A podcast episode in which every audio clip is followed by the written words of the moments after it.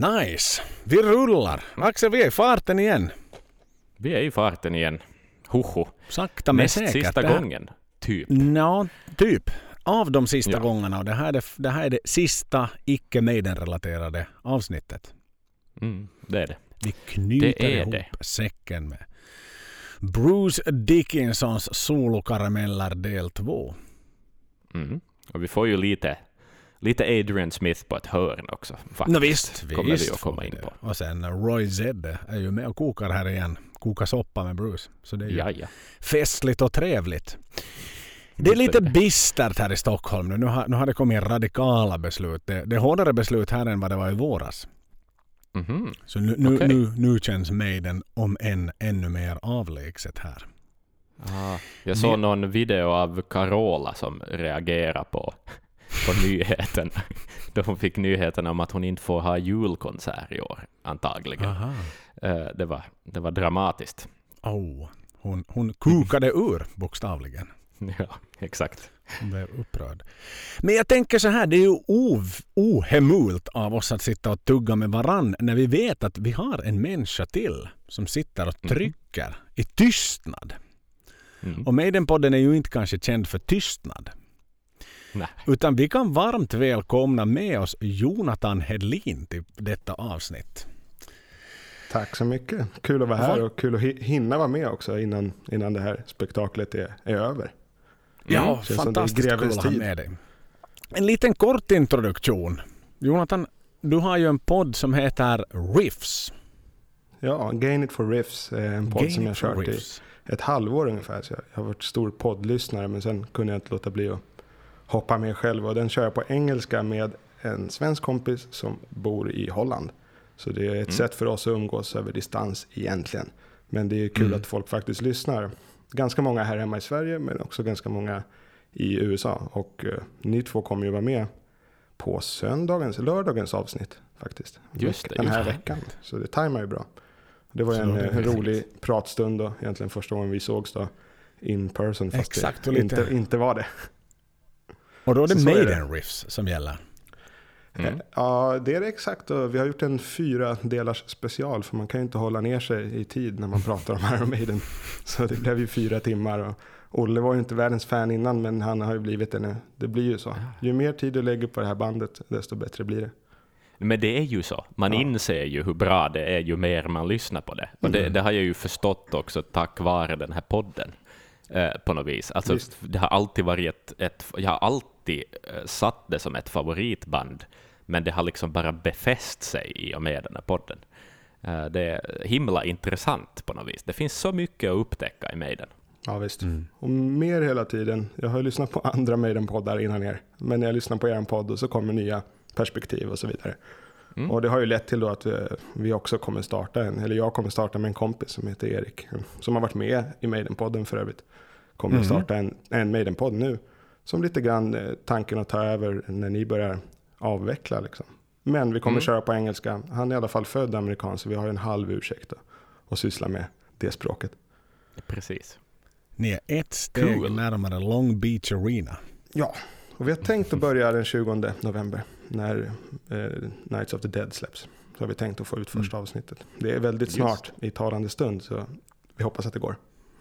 Härligt, härligt. Nej, men det ser vi verkligen fram emot att när vi så småningom packar ihop våra väskor och beger oss på andra, andra äventyr så blir det ofantligt kul att få ännu fler, fler och nya perspektiv på låtar och på Maiden. Och det, finns, det finns ju alltid saker att lära sig. Det är ju det som är grejen. Visst. Och då ska Nej, vi tillägga då att vi kommer ta alla låtar i bokstavsordning helt enkelt. Med Ah. vissa specialavsnitt mellan. Så det kommer inte bara vara låtavsnitt. Men, och ibland kommer det vara två låtar på ett avsnitt. Ibland kommer det vara en. Tre kanske, det har aldrig hänt hittills. Men ja, det kommer variera lite. Och ungefär max timman. Och sen eh, varje, varje vecka är tanken ja vad blir det, tre år? Något sånt där. Men hörni, som sagt, det, det låses ner. Sam, I Finland öppnas allt upp. I Finland får hälften av en hockeyarena fyllas med folk. Eh, I Sverige Mm. får max åtta personer träffas i talande stund. Eller inte i talande, men det blir så. Beslutet kom idag. Här går det åt helvete, i Finland går det bättre. Eh, två separata strategier. Som pågår. Och, Mm. och som jag var inne på, det ser ju inte så där hemskt ljust ut nu för att det ska bli något Ullevi eller någonting annat här i sommar. Får jag nu fråga herrarna, vi, vi, har, vi har lite varit, och, eller vi har inte så lite, vi har många gånger varit i kontakt gällande det här och diskuterat det här. Van. Blir det en Legacy of the Beast på sommaren? Eller vad händer? Mm. Axel, vill du svara först kanske? Alltså nej, tänka? det blir det inte. Jag tror inte det blir något. Man kan ju tänka att det kanske skulle ske på en plats eller något. Och liksom, jag tänker kanske sådär London, men nej. Ja, alltså, och skulle det behöva vara någonstans så får jag väl liksom... Okej, om, man- om vi spekulerar fullständigt här nu, liksom, var skulle det vara säkrast att ordna det? Så, så tänker jag ju nog lite att Finland skulle kunna duga, men Kylla. men ah, ja, jag är skeptisk. Alltså, det, och det, det, går- allt, det finns ju inte heller alternativ att göra mindre grejer. Maiden är ju inte ett band som kan spela på en klubb liksom heller, utan det, det, skulle, bli, det skulle bli kaos. Så Mm. att... Ja, Olympiastadion är ju nyrenoverad och fin. Axel. Så det är den. Det är den. Den skulle vara en, en utmärkt inramning för mig. Den. Men eh, ja, Mm. nej, men jag, är, jag börjar vara lite orolig nog. Liksom. Visst. Och sen finns det ju. Pine, Pinewood Studio så man ringer tillbaks Simon Drake. Mm, exakt. Pinewood Studios. Det är lite grann där jag sitter nu i tallkrogen ju. Pine Bar Studios. Och jag, jag känner väl lite samma här. Jag har försökt hålla hakan uppe ganska mycket men det, det håller ju inte riktigt att göra det nu i Sverige. Jag kanske får ta mig till finska ambassaden, ta med mig min mammas födelsecertifikat från Karelen och fixa det där finska passet nu, jag vet inte. Mm. Eh, Det, det kanske Det- är dags, men, eh, men nej, det, det, ser ju inte, det kommer inte bli någon legacy 2021 tror jag. Kan, de kan inte göra one-offs heller i något enstaka land där det råkar funka. Det, det tror jag inte de, de har ingen rutin för sånt. Nej, men sen tänker jag också desperate times calls for desperate measures. Liksom, Mm, jag, jag tror ju nog ändå liksom i regel att, att band kommer att spela, och det här gäller också stora band, eh, på något sätt. Jag har svårt att tro att man kan stänga, hålla, liksom, hålla lock på industrin på det här sättet hemskt mycket längre. Jag tror folk börjar tänka mer kreativt eh, på det sättet att, att eh, det kan ju hända att det blir liksom några streamade grejer eller vad fan som helst, eller en, jag vet inte, eller för en väldigt begränsad publik som är utlottad på något sätt någonstans, och sen, ja, jag vet inte, men att Men jag tror ju inte att artister bara liksom undviker att spela också liksom band av den här kalibern som Maiden. Nej, men samtidigt finns det ju så väl dokumenterad från Rio redan och det kommer, kommer live-skivan alldeles snart. Så att på det alltså nyhetsvärde i att hålla en identisk Legacy of the Beast spelning känns väl också lite sådär kan jag tycka. Mm. Ja visst. Mm. Ja, vi pratade om det, vi, vi hade en back and forth om det, jag och Joel, om hur kan de tänkas lägga upp det och tittade igenom de sista 20 åren hur de arbetar. Och det är ofta en hype-turné innan albumturnén och sen en rejäl Mm. albumturné på det. Det är väl den optimala avkastningen kan jag tänka mig. Och då skulle ju hype-turnén då 2021 vara Legacy Final Leg. Och sen skulle vi kunna kliva in i ett albumsläpp. Och på Final Leg annonserar han vi är tillbaka nästa år och då har vi ett nytt album ute. Som Bruce Mm. brukar göra. Så något sånt skulle väl ske om det funkar med Legacy 2021. Men om läget är som det kanske verkar bli. Då måste de nog tänka om som Axel sa och som Joel skrev till mig. Att då är det nog dags att lägga om rutinerna och då är det mycket svårare att sitta här och gissa hur de exakt kommer Mm. göra. Mm. Nej, för det är klart att är Rod är ju en slipad affärsman. Alltså antingen kan de sitta och vänta tills de är för gamla för att spela. Eller Mm. så gör de helt enkelt någonting helt annat. Alltså desperate times, desperate measures någonstans. Det är ju bara så. Ja, spela, bara spela. På något sätt. Ja, och släppa musik och tjäna pengar förstås. Hela, hela maskinen är ju byggd Ja, på att tjäna pengar. Så är det. Så är det. Så är det. Eh, och också lite på en kärlek till konsten förstås. Ja, en jo, bland- jo, en såklart. blandning. Självklart. Speciellt den nya musiken är ju det. Men, men kanske ja. nu third leg av Legacy of the Beast i Europa igen. Okej. Nog ändå lite mer byggt på pengar. Ja, Å andra Ja. sidan en väldigt bra turné. Det borde ju kanske ni hålla med om som tog er till andra sidan Atlanten för att se fler identiska setlists. Ja, jo, det, visst. Det är, ju Det är, en jätte, det, det, det är ju den bästa, liksom. den är ju allt vad min, man vill ha. Alltså på det Enorm. sättet. Fyra Men- låtar men- från Peace of Mind, bara en sån sak. Mm. Det är alltid tacksamt. Ja, men visst, det, det det är den bästa best of-turnén någonsin. Punkt och slut. Ja, Jo, jo, jo. det är den. Och sen Early Years måste man ju ge en, en fjäder i hatten. Och kanske också Gimme Ed-turnén då, som var min andra spelning. Den tycker jag också hade en väldigt bra setlist och ett, ett Maiden i väldigt bra form. Mm. Mm. Så var det ju. De var hungriga. Den var jag aldrig på, men Joel var. Jag var så. Det var min första. Mm. Första vända med Maiden live. Yes hörni, men, men inte för att liksom vi spekulerar och, och det gör alla där ute och, och alla har nu samma förväntan. Jag måste bara fylla i för jag hade så roligt i någon av de grupperna om det var Maiden Nerds Sweden eller vilken det var. Så var det någon, någon skön där som var sådär jag skulle vilja köpa Inner Circle-biljetter till Ullevi. det är också sådär liksom den här tiden. Ja, för är det någon som har till salu?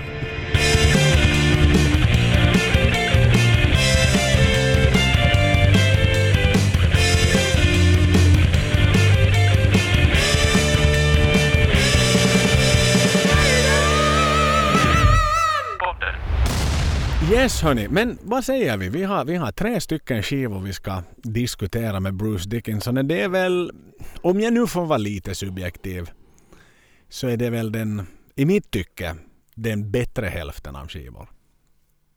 Mm. Mm. Mm. Åtminstone kanske mer enhetliga trilogin av album på det sättet. Vi får inga Born in 58 på, Nej. på de här albumen. Även om du gillar den Joel, jag Mm. vet att du gillar den. Ja, Men men det är ju, sympatisk. Ja, det var kul när jag fick höra att du gillar den och sen hade jag precis sagt innan att jag avskyr den låten men jag fick lägga till att det är fan respekt ändå. Att gilla Born in 58.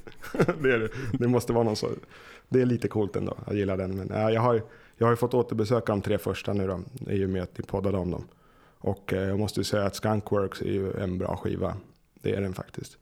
Och jag är inte världens grungehead direkt. Jag gillar ju 80-talet liksom. Men den, den är stark. Och jag skulle säga att Balls to Picasso är starkare än jag mindes Mm. mm. också. Mm. Men med det sagt, de här tre är ju min då era av Bruce Dickinson. Då. Jag upplevde dem lite grann i realtid. Eftersom det var precis samtidigt som jag kom in i Maiden så kom de här plattorna ut. Mm.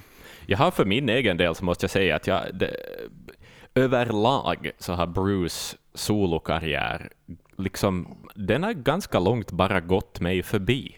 Jag har inte egentligen någonsin varit riktigt nyfiken på den uh, heller, för att jag vet inte, jag, jag minns enda så här solo, eh, vad ska vi säga, breakout sk- skiva som jag riktigt någonsin har lyssnat på ordentligt så har varit liksom Halfords sologrejer. Och de minns jag att jag alltid gillade, men av någon anledning så, så var jag liksom aldrig nyfiken att kolla upp Bruce Dickinsons sologrejer. Och förstås, det var ju en annan tid också, det, före Spotify och, så, och YouTube och allt möjligt sånt där, att det var liksom ett, man behövde ta ett aktivt beslut för att lyssna på något. Det var inte liksom kanske bara att Visst. stilla en nyfikenhet, utan man kanske behövde några garantier, och jag kanske inte upplevde att de garantierna riktigt fanns på något sätt. Så att, så att eh, liksom det jag har lyssnat på av Bruce sologrejer så har jag ju gjort i samband med den här podden. Det är liksom, så- enkelt är det. Ja. Eh, mm. Ja, jag får en direkt reflektion där över att när jag upptäckte Bruce Dickinson så fanns ju inte internet riktigt. Jag tror jag kanske hade något eh, eh, call-up-modem, ni vet. Den varianten. Och var inne i skivbutiken vid Sergels torg här i centrala Stockholm. För att titta efter Maiden-plattor. Eftersom det var det enda jag köpte då. Det var bara Maiden-plattor. Det var Mm. kanske var 99 eller 2000 till och med. Eh, någonstans där omkring. Och så såg jag Scream for me Brazil. Som kom ut i den här eran då. En live-skiva. Mm. Med någon sorts piraya på framsidan. Och en väldigt eh, turkos bakgrund. Och jag Mm. började fundera, är det ens samma Bruce Dickinson?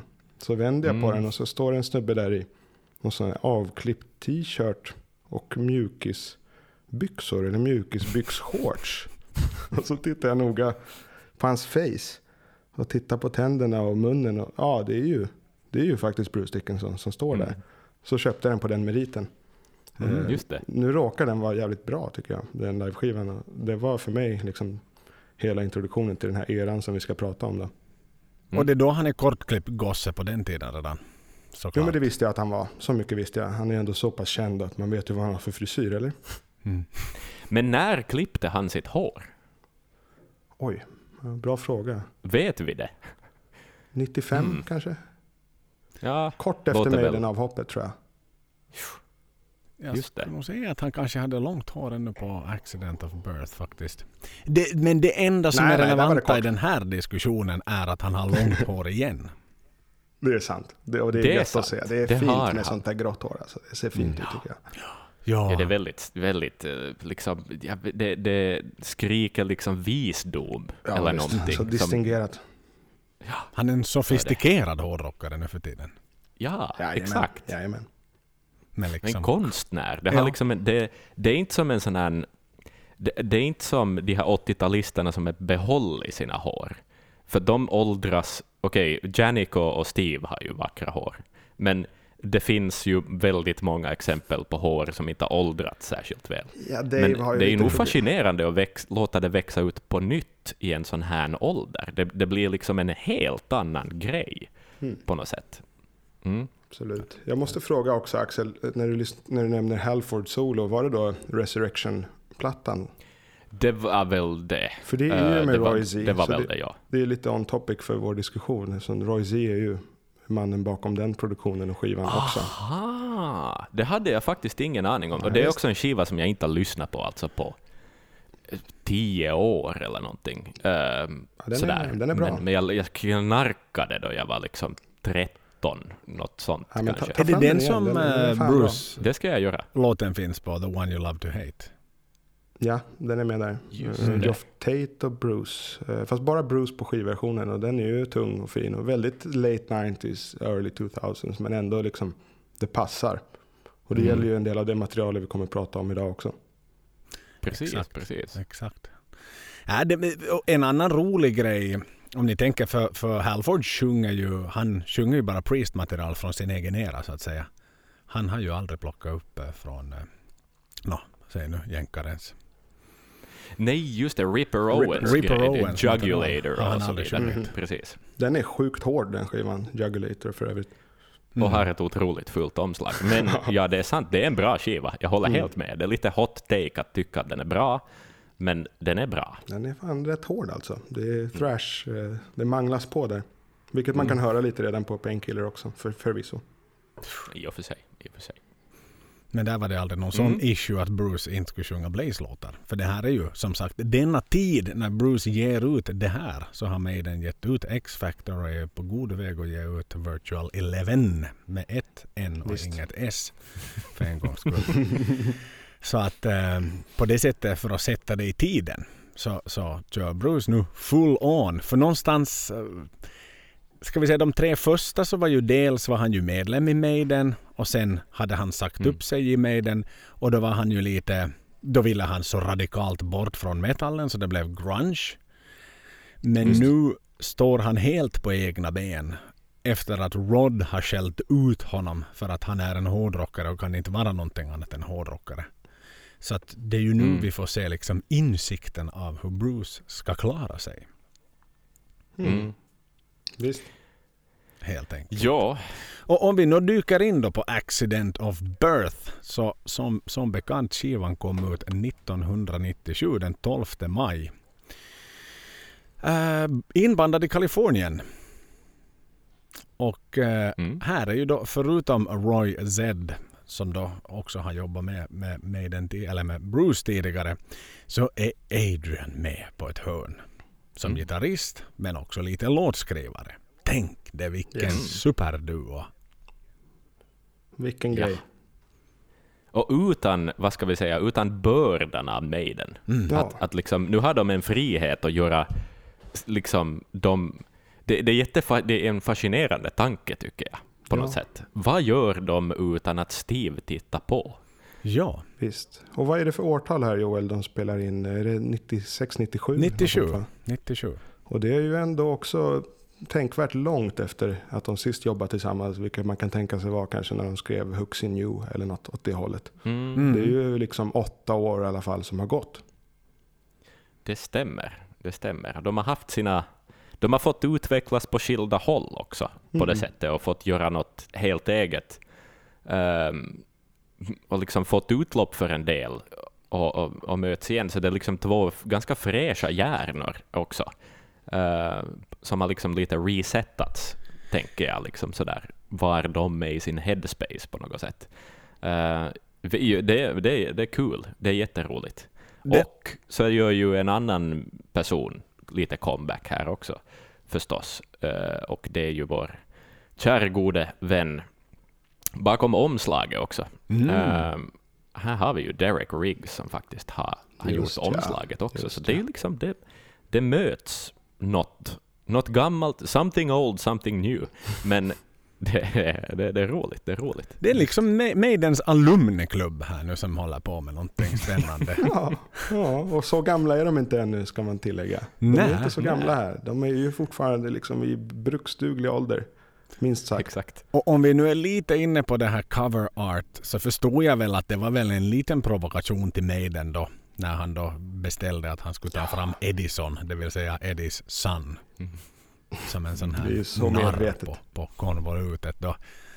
Att inte kan, jag vet, ja, jag tror att han, jag tror Rods reaktion var lite så här ha, ha, ha, ha, ha. Lite så här torrt nervöst skratt men ändå att han i ögonen Mm. vred huvudet av Bruce liksom. Din jävel. Står du och pissar på arvet ditt Mm. och, och skämtar bort vår Eddie. Ja. Mm. Edison. Edison. Edison. Men det är ju snyggt konvolut. Jag det är tycker- ett snyggt konvolut. Jag tycker inte att det håller standarden av tidigare Derek Riggs någonstans ändå. Vi har klivit in i någon sorts digital era. Det är kanske inte samma airbrush. Och det är snyggt till över hälften tycker jag. Men den här gubben vars mage då sprättas upp är ju förbannat ful tycker jag. Jag tycker han är så skön, för den är som så... Den är, det är inte ett metalomslag. Alltså, Sant. jag, Sant. skalar man bort kanske fonten eller liksom logg, Bruce logga och sådär och bara titt, försöker liksom titta bara på, på själva konsten, så tycker jag det är, jätte, det är ett jätteintressant motiv. liksom. Eh, och jag, jag tycker om att det är en sån kontrast. Man vet inte alls hur det här kommer att låta liksom, då man tittar på omslaget. Det säljer inte albumet. Alltså visst, det är blod och inälvor, så att man får väl anta att det är metal på något sätt, men det kan vara precis vad som helst också. Ja. Och han ser så Poäng. retfull ut med en fransk hatt. Hovnars hatt på. Mm. Det är i och för sig coolt. Så det är lite, lite ja, vad jag förstod så, så ja, det här omslaget just med, med den här narret som skuttar ut ur magen på gu- den tjocka gubben, så eh, det fick inte väl släppas i USA. Det var för, det var för blodigt på något vis. det var för Eh, så man gjorde... Ja, så det, där är det bara istället någon sorts porträtt av Edison, eller vad man nu ska kalla det. Mm. Eh, Eller det är väl Edison i profil då, med den där klubban eller vad fan det nu är. Men, eh, ja, men men, amerikaner är ju amerikaner. Det är ju det och det är klart att om man... Det är för hemskt för sådana där, man, där det är helt okej att köpa semi-automatic rifles liksom. Så är det hemskt att se lite blod på ett omslag. Det är nog knasigt. Man blir kränkt. Jag måste bara ställa en sista fråga där kring just nu då med Adrian. Vem ringde vem? Mm. Vem ringde vem ja? Bra fråga. Vem kan det ha varit? Kan det vara Jag har som försökt hitta kände svar att på det men jag har inte riktigt lyck- lyckats med det. min, min spontana tanke då är ju att Bruce kände kanske att nu är det metal igen. Nu är det Derek Riggs igen. Och nu är det liksom det är stäm, stäm harmony, harmonies. De hade väl bara en gitarrist tror jag i Skunkworks. Som jag, vad jag har hört och förstått av när jag lyssnat på deras live-grejer. Så nu är det Mm. metal igen. Det är dubbla gitarrer. Harmonies. Derek Riggs ritar omslaget. Vem ska spela den andra gitarren? Det är ju Adrian Mm. Smith såklart. Så tänker jag mig att det kanske kom från Bruce. Att det var hans, Sant. Och sen, och sen ha- har vi ju Bruce har ju erfarenheten av att ringa upp gamla vänner förr också, med, då Janik kom in i, i bilden och så vidare eh, i, i Maiden och sådär. Så att, jag vet inte, det kanske är en egenskap han har bara. Han håller kontakten. Mm. Ja för det var ju Bruce son som spelade gitarr på skivan innan. Just det. Just det. Jag tror, att det, det, jag tror inte Bruce är någon som skäms heller att, eh, att ringa upp på det sättet. Jag tror han, han skulle nog känna att det var mest kul om något att få ringa upp Mm.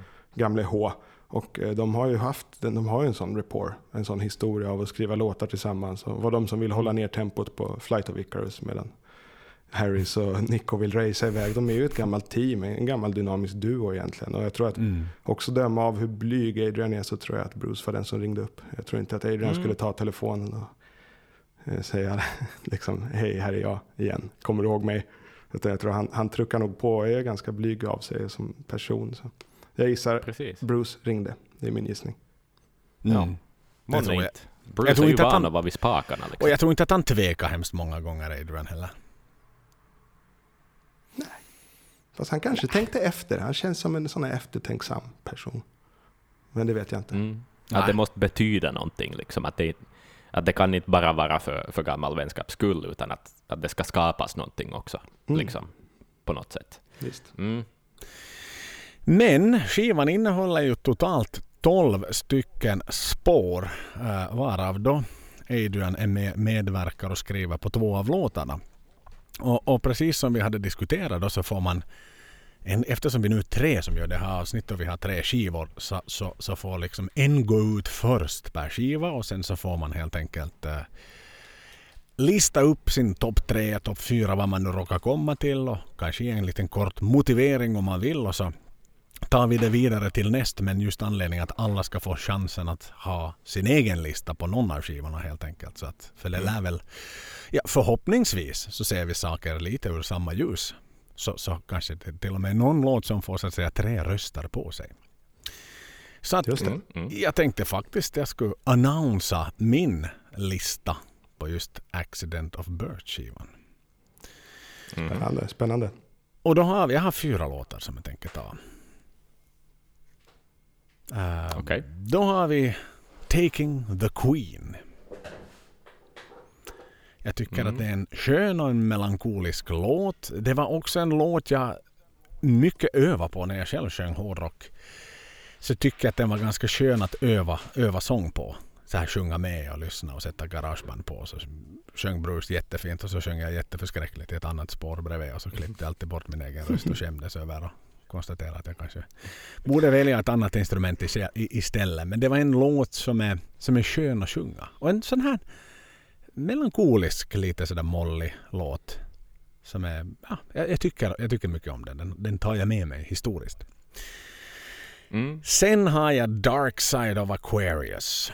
Det är tight och det är tungt med det där riktigt sköna rytmiska mellanspelet som den kommer. Det är mycket takter och sånt här och mycket pauser och slag och sånt som, jag, som tilltalar mig. Lite, det här nejdenska kanske. Och man bryter upp en låt på ett, på ett sätt och så kommer man in i den på ett annat sätt sen tillbaks igen. Att man, det är inte bara det där klassiska pop, poprock-stuket utan li, lite har han Mm. tagit med sig från Steve där om vi säger så. Sen då. Nu kommer vi ju till den dynamiska duon Adrian och Bruce. Road to Hell. Mm. Så här. Det här är inte en Maiden-singel på 2000-tal. Men jag skulle fan inte ha någonting emot om det skulle vara en Maiden-singel på 2000-tal. Mm. Det kanske är lite för Mm. lite Steve. Och kanske den är lite för ballsy. Men Mm. så här. Jag hade gott och väl bytt ut Rainmaker från Dance of Death mot den här. Det, Mm, det är ja. Adriansk refräng. Den är short, clear och to the point. Och, och, och kanske skivans höjdpunkt. Adrians hommage till The Prisoner. Det här solot som han gör där.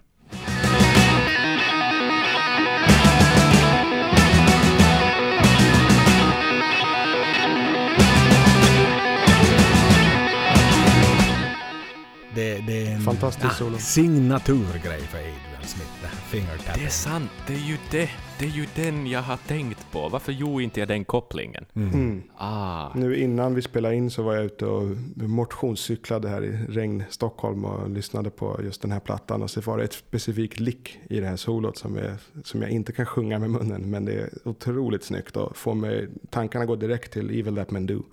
Hur Mm. liksom, han trycker ihop.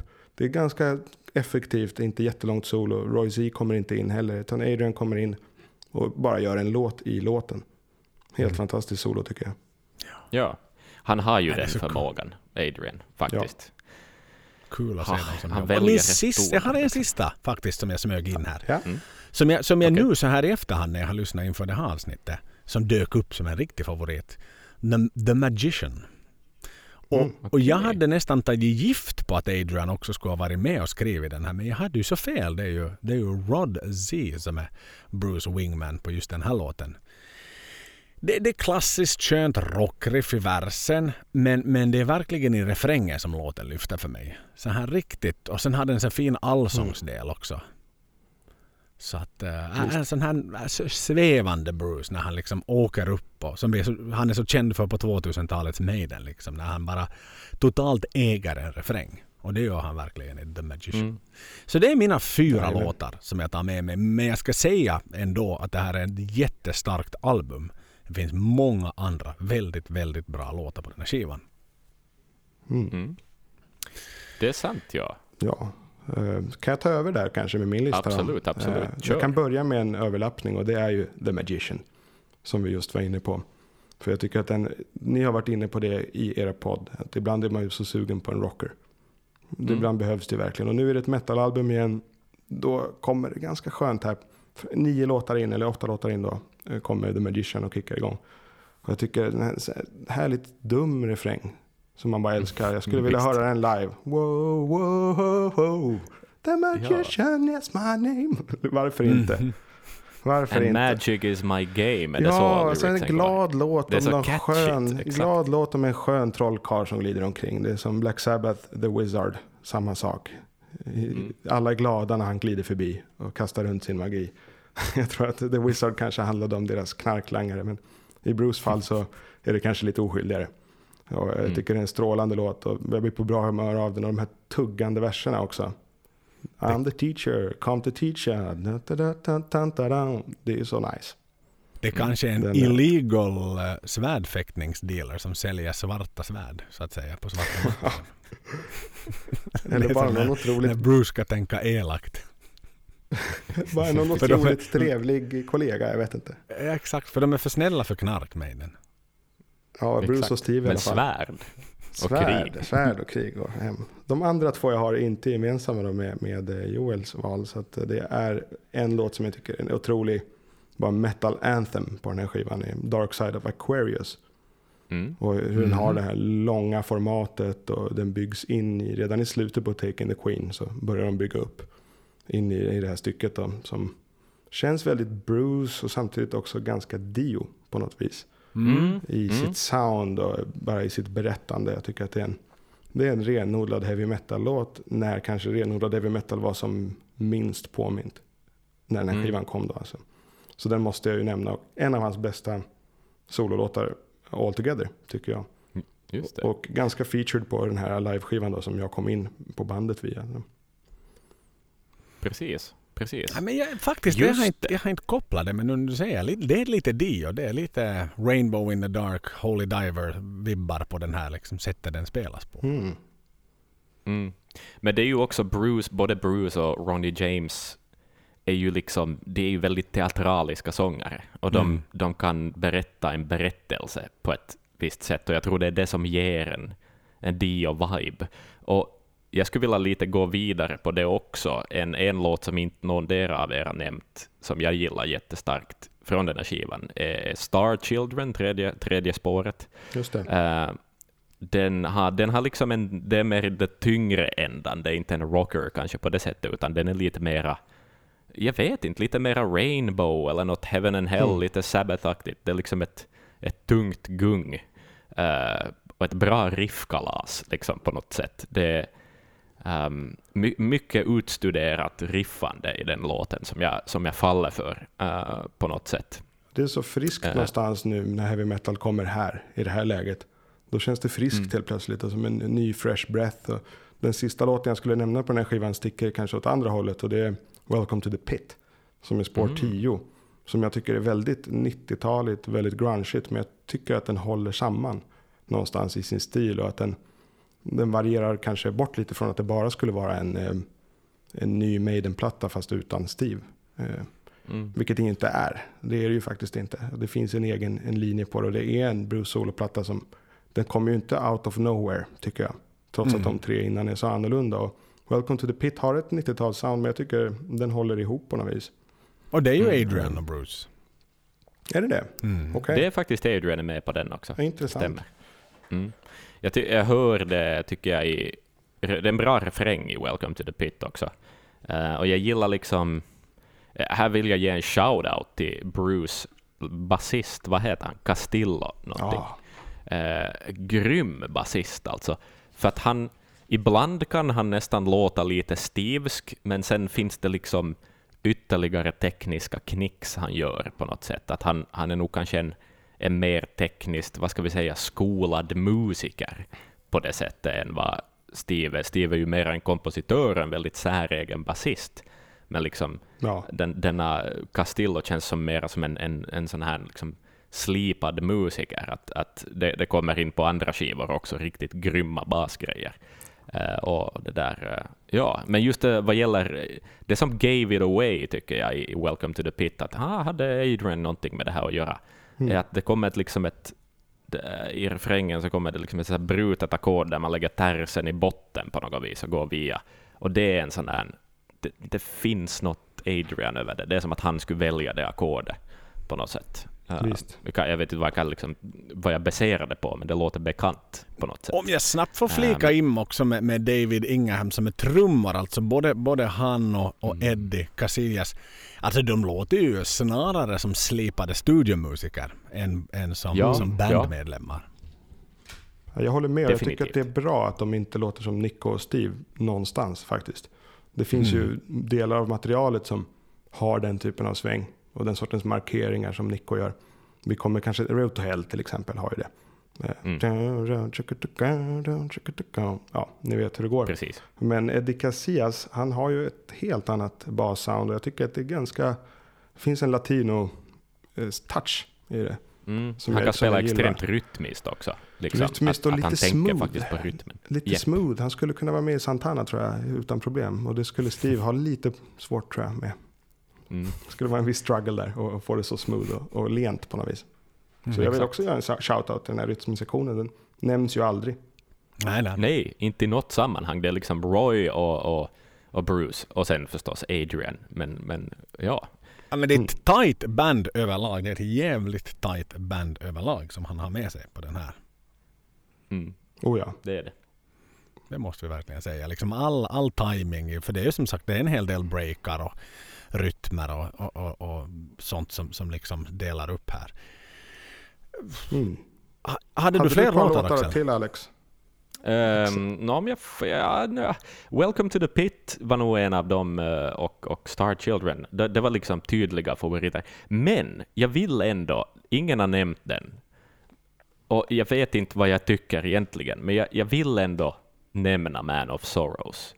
För att visst, man kanske kan tycka att det är en lite trist ballad. Det kan vara en åsikt.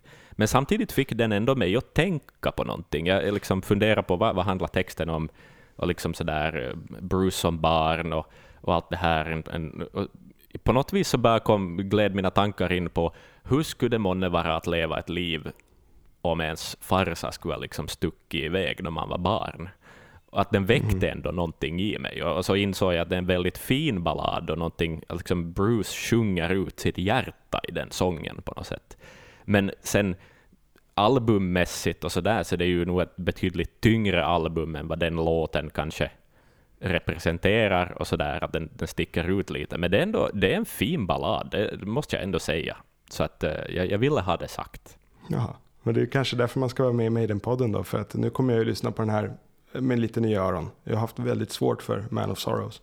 Jag tyckte Mm, att den har ett ja. sånt smetigt smör på smörlager. Otroligt smetigt. Fyra, men fyra det- olika sorters smör på samma macka känns det som. Liksom, de här pianot kommer och vet, någon sorts tretaktsgung. Som Just det. Men ja, nu kan jag inte riktigt göra narr av det efter, efter det du sa. Mm. Jag tänker mig liksom en akustisk gitarr och bara Bruce, så då tror jag att det skulle blotta hur bra låt det egentligen är. Ja, och det får mig att Bort tänka med på den smöriga produktionen på något sätt. att jag inte tycker att produktionen är så bra heller på Accidental Birth faktiskt. Jag skulle säga det också om Road to Hell, att jag hade också bytt ut den mot Rainmaker, men då med Rainmakers produktion. För då hade den lyft Mm. tror jag. Den skivan är lite stel, lite klinisk. Det låter lite Men det laptop. kanske är en lite sign of the times också. Oh ja, på något sätt. oh ja. 90-tal, det var torra trumsound och Mm. liksom eh, små, en, en virvel utan någon sorts sustain överhuvudtaget liksom och så vidare. Att det, um, transistorförstärkare och så vidare. Det är liksom, eh, ja, det, det är väldigt 90-tal. Sådär Mm. Så torrt. Det är så onödigt torrt. Men det var ju trendigt då. Det, jag kommer ihåg det för det var då jag själv började titta på sånt. Med ljud och Mm. produktion. Att allt skulle ju vara snustort. Annars var det oproffsigt och söndersminkat. exakt. Precis. Men jag, kan lite av det. jag jämför ju alltid Man of Sorrows med Tears of the Dragon. Det är ju någonstans, de är ju... Det, det är som när man De spelar Memory i och princip, så, ja. så tror man att man har Memory när man har vänt upp de båda. Ja, Ja, så är det. exakt. Jag, jag tycker det blir lite Ja. två samma saker. Och det var därför Ja. den inte ens var i närheten Nej. på min lista faktiskt. Så jag går ju på toa då. Coming home, Joel. Jag gör ju samma sak. Jag går ju på toa när den här kommer. Och jag tycker att Bruce, han försöker om och om igen att få till den här November Rain eller um, Mom I'm coming home. Något Mm. åt det hållet. Och han kan ju inte riktigt göra det. Liksom. En perfekt Bruce-ballad för mig är ju något i stil med Revelations. Som är knappt Mm. är en ballad. Men den är ju Mm. så jävla bra tycker jag. Och han kommer inte i närheten tycker jag med alla de här 90-talsförsöken. Men det, det kanske är ett horn i sidan som jag borde slipa ner lite på. Mjuka av lite och tänka som Axel tänkte. Det. Eller Wasting Love. Mm. Ja, jag gillar ju inte den heller. Jag gillar ju inte den. Jag tycker inte den är så bra. Bordellballad. Tyvärr, tyvärr. Ja, just det. Just det. Vad var det? Ni hade, ni hade jävligt roligt åt det där i avsnittet. Att det var en låt om aids och så var det en låt om kärlek. Var det inte något sånt? Balladen var den. Och det var som att de var ihopblandade, som att någonting hade gått fel i kommunikationen. Att, att balladen blev om att, att knulla för mycket och, Ja. och den hårda metallåten handlade om hur hemskt det är med aids. Det kanske borde ha varit, kanske borde ha varit tvärtom Det är på något sätt. men, men, 90-talet men är det i. Man of Sorrows den blir reggae? Eller är det i Tears of the Dragon?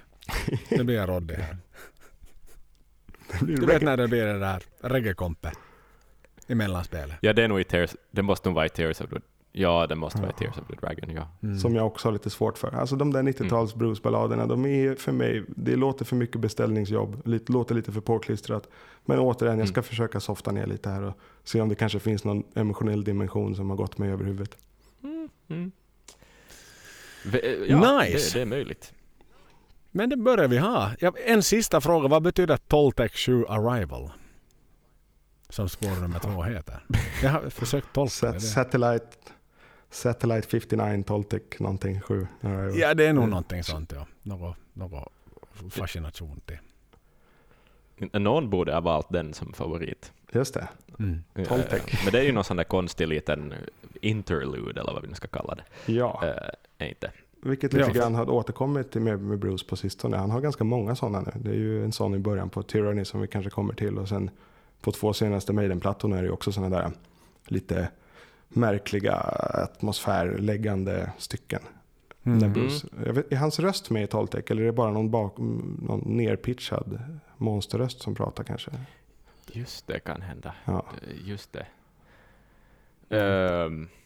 Någonting ja, men det, men det är nog, jag, jag har aldrig förstått mig på sånt där. Alltså, jag jag kan förstå att det kanske bidrar någonting till albumhelheten eller någonting, men det är ju ändå något som alla bara hoppar över, är inte? Lite så kanske. I alla fall jag. Det är kanske det de har försökt undvika då när, med Satellite. Att den inte går att hoppa över om man vill Det går på. inte att Nej, hoppa över Du, om du, då får du hoppa över Final Frontier också i så fall. Exakt. Exakt, exakt. Nej, men, och det är det som är så konstigt att sätta ett pre-intro. Du har ju liksom låten Freak som är en vanlig låt. Och sen kommer Toltec Mm. 7 Arrival innan Star Children. Så det är också lite mystisk plats att sätta in liksom som spår nummer två. En sån här intro på 37 sekunder. Mm. Det är det, men jag funderar om de liksom stilmässigt är för olika. Det behövs någon sorts transport, Mm. eh, en, en liten, eh, för att switcha om skallen på något sätt Så vara. spacigare. Så kan det vara. Ibland kan man använda sådana mellanstycken till att byta tonart också på ett sätt som känns lite häftigare. Jag vet inte om de har gjort det just här. Jag har inte analyserat Precis, så. Men precis. det kan ju vara så. Nej, exakt. Men eh, ska vi, ska vi vad, vad, vad säger vi om Accident of Birth sådär överlag? Just liksom? Just det. Är, den, är den stark skiva? Är den, eh, ja, Vad, vad tycks? Jag, bara, jag, jag hugger här nu på och jag säger så här. För mig är Accident of Birth Bruce Dickinsons solokarriär. Mer Mm. än så säger jag inte. Hmm. Okej, okej. Men du får förklara varför lite senare kanske. Ja. Ehm, Jag skulle ska säga... vi skutta vidare till, eller ja, ursäkta, ursäkta. Ja, nej, det är ingen fara. Jag skulle säga kort bara, stark skiva men kanske lite för mig en, också en, en skiss fortfarande. Att det inte har kommit hela riktigt vägen, bland annat då med produktionen och hur den är Mm. sammansatt. Men absolut en stark skiva och att se det som, ett, som någon sorts peak i hans solokarriär kan jag ju definitivt, eh, kanske inte hålla med om helt men eh, förstå. Mm. Mm. Jag tycker det, det man reagerar på liksom är att det, det är på väg åt ett tyngre håll, eh, men jag kan liksom tänka mig att eller jag blev väldigt glad av att höra Freak liksom, då, då, då skivan slår igång, för man märker att det här är något nytt. Liksom, att det här är inte längre en imitation av grungen, eller, eller även om jag gillar eh, Bruce Dickinsons imitation av grungen, men att det här är liksom metal igen, och det är också mer att det är mer tidstypisk metal. Att det, ma- man hör att Bruce vill vara modern. Ja. Och, och, och det är ändå en tanke som jag har lekt med. Liksom, så där, hur skulle Bruce låta över mera modern metal? Och, och det får man ju här. Och, och, ännu mer får man på följande album, om jag bara tar rodret här nu och skuttar vidare. Chemical Wedding kör vi då. Året därpå släpptes den den 15 september 98. Uh, och det är, ganska, det är ju samma gäng bakom den här plattan också. Jag tror han bytte skivbolag eller släppte det på eget bolag. Eget bolag, mycket riktigt. Air Raid kom den ut på. Men det är liksom samma gäng involverat i den här plattan. Och uh, jag kan köra min, min topp tre egentligen, eh, utan att gå in desto mera på detaljer, om inte någon vill ha detaljer förstås. Jag vill bara påpeka att han är väldigt frikostig med att byta font på sin eh, liksom, eh, Mm. name logo type. Japp, Han har inte riktigt, han har inte riktigt Det är hittat inte hem där. samma. Ja, Nej. Just det, han har inte valt Nej. något. Det är inte som Dio som är det cementerar man- sin Dio-logga. Precis, det stämmer ja. Och Det framsidan stämmer. den här gången är ju ett klassiskt konstverk vad jag har förstått. Jepp. Också en Av oljemodell. eh, vem det nu var.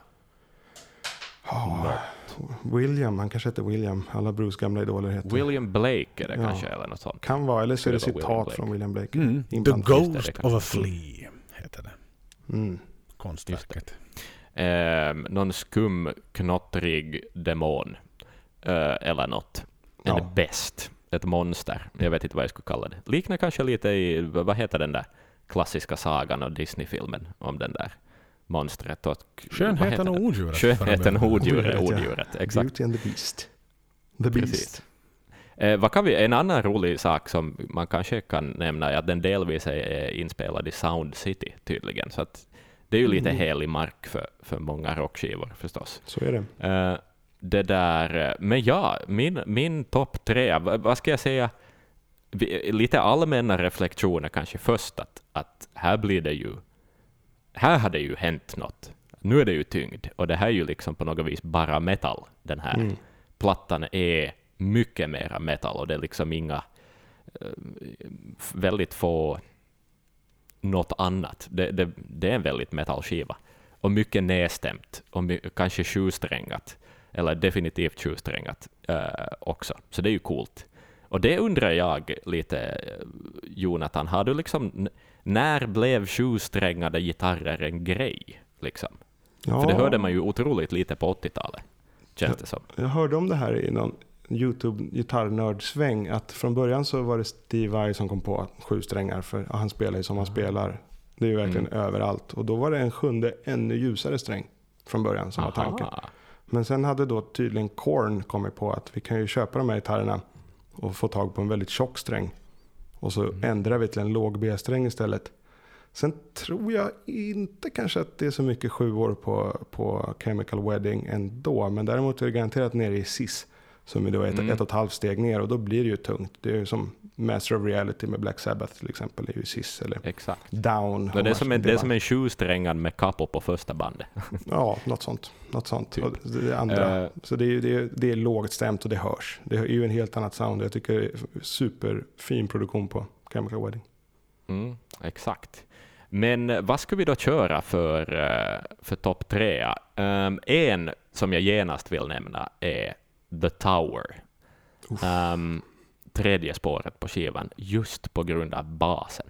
Mm. För, för den man, den, han spelar den otroligt staccato. Han liksom dämpar varje ton så att det inte är så mycket sustain. Och det är, det är jättesvårt att spela så. Och det, det blottar just det här otroligt fina kompet som Bruce ändå har hittat, som ju Just. är ganska anonyma människor. Alltså, de har ju knappt Wikipedia-sidor.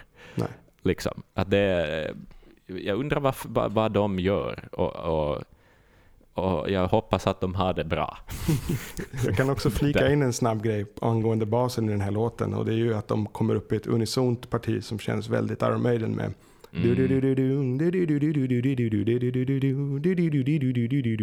som, som jag tycker också förhöjer hela låten och då är det också mycket basen hur den kliver in i gitarrdomänen på något sätt. På ett Mm, väldigt snyggt sätt. Exakt. Jag, Otroligt bra låt. Och den här är Japp. standard E tror jag också. Den är inte nedstämd. Den är standard, och den den, den en- hör inte i de nedstämda varianterna. Nej, exakt. En heavy metal Och det här är lite en låt som, som eh, jag vet, den är hittig, den har en jättestark refräng. Jag tycker det är en bra refräng. Eh, Mm. det, mm, och en groove, en groovighet och allt möjligt. Och det dumma med min topp tre är att de kommer alla på raken, för jag tycker att det liksom en, eh, skulle det vara då liksom sida A, de tre avslutande låtarna på sida A om det skulle vara en vinyl. Så följande spår är helt enkelt spår fyra, och det är Killing Floor, och det är också en låt som har en grym tyngd, och den är liksom komplex och lite progressiv och visar upp hur bra musiker han har liksom samlat på sig. Um, Adrian är med där Det- också på den och skriver. Adrian är med på den också, det stämmer. Det stämmer. Och sen eh, kort och gott, min tredje som jag har valt från den här skivan är också Book of Thel, som Mm. kommer. Följande låt, så det är tre bra låtar på raken som jag tycker är liksom eh, och grym inledning på ett album också. Så frenetiskt versriff i Book of Thel. Otroligt. Exakt, och, och de här uh, palmmutade grejerna och sånt, att det är liksom väldigt, det är väldigt modernt. Book of Thel Mm. låter så modernt som metal kan låta på den här tiden på något sätt. Att det är lite sådär eh, för alla internet metal kids där ute, så det är lite sådär protogent på något vis ibland. Och, och, och, det här, och de här trumbreakarna, de, det är de som säljer låten. Det är så grymt kul att få höra lite trumsolo ibland också. Mm. Åh, Tror du Axel att han den bra. här metalmannen du bodde hos i, i norra Finland kunde den där låten, Mm. Book of Thel? Så den har ju lite shred. Den har ju lite shred i Det- sig. ja, Det alltså, det, det finns ju två, det finns ju en sorts gitarrsolo på den här skivan. Och det är liksom shred för full hals från början till slut, med kanske en utdragen ton, känns det som. Alltså det är otroligt mycket shred. Och här skulle jag kanske liksom passa på att säga lite, no, jag kan spara det till, till, vi kan samla våra tankar sen efteråt, men right. det är mina tre favoritlåtar åtminstone. Och nu, nu ger, jag ger över, över rodret till, till, till någon annan. Jag kan hoppa Ska på vi låta det. vår gäst fortsätta? Kanske, Det tycker Joel? jag. Ja, stort tack för det. Den här skivan är ju lite speciell för min del. Den är ju uppe där och kan liksom konkurrera i, i Maiden-diskografin. Även om jag inte riktigt gillar att göra den typen av jämförelse eller lista. Men den har ju Mm. verkligen någonting. Och det var från början Scream for me Brazil. Sen såg jag att ja, alla låtar jag gillar på den är ju från Chemical Wedding, typ. Mm. Vi hade Dark Side och Road to Hell också såklart. Som jag faktiskt tycker är bättre på Brazil-versionen. Kan vara ett lyssningstips. Men, Mm. eh, men det- ja, då tänkte jag, jag har ju nästan alla låtar redan. Och på den tiden så köpte man skivor för pengar och kanske ville ha fler nya låtar. Men jag köpte ändå Chemical Wedding som bara har tre spår till som inte är med på, på liven då. Just det. Och min första blir ju också första låten på skivan, eh, eh, King in Crimson. Mm. Som liksom dundrar in med något fantastiskt eh, tungt intro. Som liksom, det är brutalt på något vis. Med den här minusfemman, djävulstonen. Som bara liksom lägger grunden för någon sorts åktur, känner man. Oh, oh, oh, nu åker vi, ungefär. Och det är ett speciellt moment i den låten som jag vill poängtera specifikt. Och det är, när, apropå de här shreddiga solosarna, när eh, Roy C, hans solo går över till Adrian. Om du är Mm. ett Maiden-fan då kan du inte göra annat än att hoppa i stolen. Eller dina ögonbryn åker upp över, över luggen. För det är ju så nice. Bara det är ju så nice när det från ett jävligt bra solo till ett kanske ännu lite bättre som dessutom är Adrians signaturton. Och det blir ju så heroiskt och så fett bara. Det, det är nog bäst på hela skivan tycker jag. Just Och det är ju så kul att blotta liksom skillnaden där, alltså vilka val man gör som gitarrist på något sätt. Att Mm. Roy Zed har satt så mycket av sitt liv på att lära sig att spela så fort som han gör, och då ska det visas upp. Medan A- Adrian har en mer laid back grej. Han är liksom, men han väljer rätt toner och han har rätt touch. Och, det, och på något sätt så toppar det ändå det där liksom tonorgasmen man just har fått höra. Jag skulle säga Så- toppar och kompletterar faktiskt. Jag kompletterar finns, man kanske får ett bättre tillbaka ord. lite jag- feelingen av sant. Dave och, Dave och Adrian, fast Roy C påminner inte om Dave alls sådär, men man får ändå tillbaka den känslan lite att okej, det var ett jävligt bra solo, men nu ska vi se vad Adrian kan koka ihop. Mm, liksom. Den, den typen av känsla. Jag tror återigen då som, som Maiden-fan har jag svårt att säga att du inte kan reagera positivt på, på just den händelsen och den feeling som kommer där. Så det är den låten och jag fortsätter i ordning precis som Axel gjorde med, med titelspåret Chemical Wedding. Som, som jag också tycker är otroligt coolt och snyggt. Och vi har Alistair Crowley tillbaka i hög form i texten. Mm. Så det är den där lite stämningsfulla, kanske också lite grungeiga, den här gitarren med, med en typ av filtereffekt på. Som Mm. går i verserna på, men det kanske lite om något som skulle kunna vara på Skunkworks till exempel. Mm. Mm. Eh, med den här coola texten How happy is the human soul, not enslaved by dull control, left to dream, eh, roam and eh, play, shed the guilts of former days och så vidare. Det är, det är ganska fin poesi också tycker jag. Och den drar ner en lite i någon sorts djup. Det är någon sorts Dantes Inferno som, som visar sig där och sen stor fin refräng. Mm. Riktig blaffa som då återkommer senare också i The Alchemist. Vilket ger lite sån här Seventh Sun vibe, hur liksom skivan har, har något löst koncept kanske på något vis. Tycker jag är otrolig. Mm. Och sen eh, mitt tredje val är ju då Book of Thel också. Som vi redan Mm. varit inne på. Och det är för att den är bara så brutalt bra riff. Och sen eh, kan jag ge en liten bonus till eh, Trumpets of Jericho också. Som Mm. var första, första låten jag hörde med Bruce solo. För den inleder Scream from me Brazil. Mm. Och eh, Just det. Den har haft en konstig effekt på mig att om jag nynnar på den eh, så somnar jag. Den är- har en hypnos. Så jag är skitbra om man måste sova när man är ute och reser eller något sånt där. Så börjar jag nynna på Trumpets of Jericho den här Maze of Life. Och det räcker med Maze of Death. och, och du söver dig själv. Alltså. Jag söver mig själv eh, av- i någon sorts komfortabelt moln där. Mm. Jag vet inte riktigt vad det är, men det måste ju nämnas. Det är en del av, av min relation till den här skivan som jag tycker är en otrolig skiva. En av 90-talets bästa heavy metal-plattor, tycker jag. Jag önskar att jag kunde mastra det där. Det är ju som en slags självkontrollerad narkolepsi. Det är ju fantastiskt. Ja, eller hur? Det är så jävla bra. Det har funkat så många gånger. Ja. Men Joel, du gillar ju de där svävande gitarrgrejerna från Maidens tidiga karriär, Åh, så Eh, mycket, så mycket. vet jag. Men jag, Så kan inte, men jag somnar inte om jag nynnar dem. Jag måste öva ikväll. Så får jag se. Prova. Men det. Trumpets of Jericho, ja, den, här, den är ju nästan liksom, det är ju något sorts corn-riff eller Ja, något det går sånt. mot Alltså, metalcore. Japp, vä- väldigt modernt faktiskt. Otroligt modernt spelat. Liksom. Mm. Men stor refräng som ändå är väldigt heavy metal. Mm. Exakt. Anthemic, liksom. Det är ett tema som presenterar sig. Så att, eh, det är väl ungefär det, men jag är nyfiken på det om Joel har plockat någon, någon annan. Nå, hördu, jag har, jag har två som, som ni redan har nämnt om. Jag har också Chemical Wedding och The Tower som är två Mm. fantastiska låtar Mm. som jag inte ska behöva yppa desto mer om. En liten överraskare som jag har på min lista dock är, är Jerusalem. Mm. Jag tycker den, jag tycker den är så, så folklig och fin. Och sen är den ju liksom den här refrängen. Let it rain, let it rain, la la la la la. Tycker jag är, är ja, men det är en sån här lite Where the wild wind blows någonstans sådär. Mm. Eller Lite Journeyman. Steve, ja Journeyman liksom en sån här vad ska, halvakustisk anthem som, är, som ändå är så smakfull. Liksom långt ifrån från eh, Man of Sorrows. Liksom, det är inte en ballad, det är bara en smakfull halvakustisk anthem. Sån där, Ja, Jag tycker den är sant. Det är inte en strålande. direkt ballad. Nej, det är, jag skulle inte kalla det ändå en ballad. Det, det Sådär. påminner Nej. mig om eh, Led Zeppelin, Led Zeppelin 3 lite mer. Att den har det här folkliga. Och jag vet ju att Bruce är Mm. ett fan av den tredje Zeppelin-plattan. att Den har lite det här, um, ja det är lite mandolin. Det kanske inte är någon mandolin i den. Men det hade gott kunnat vara en mandolin Mm. i, Mm. i instrumentsättningen. Och Verkligen. sen den här storyn då om, om hur kristendomen slår fast i UK egentligen. Ja, så heter den Jerusalem. Jerusalem. Den hade passat bra på någon sån här eftermiddagskyrkokaffe i någon österbottnisk församling också. Just det, just det. De återkommer man till. Ja, så det är viktigt. Det är viktigt därifrån vi kommer. Ja, Och- nej, och- men den, den är fin, den är fin.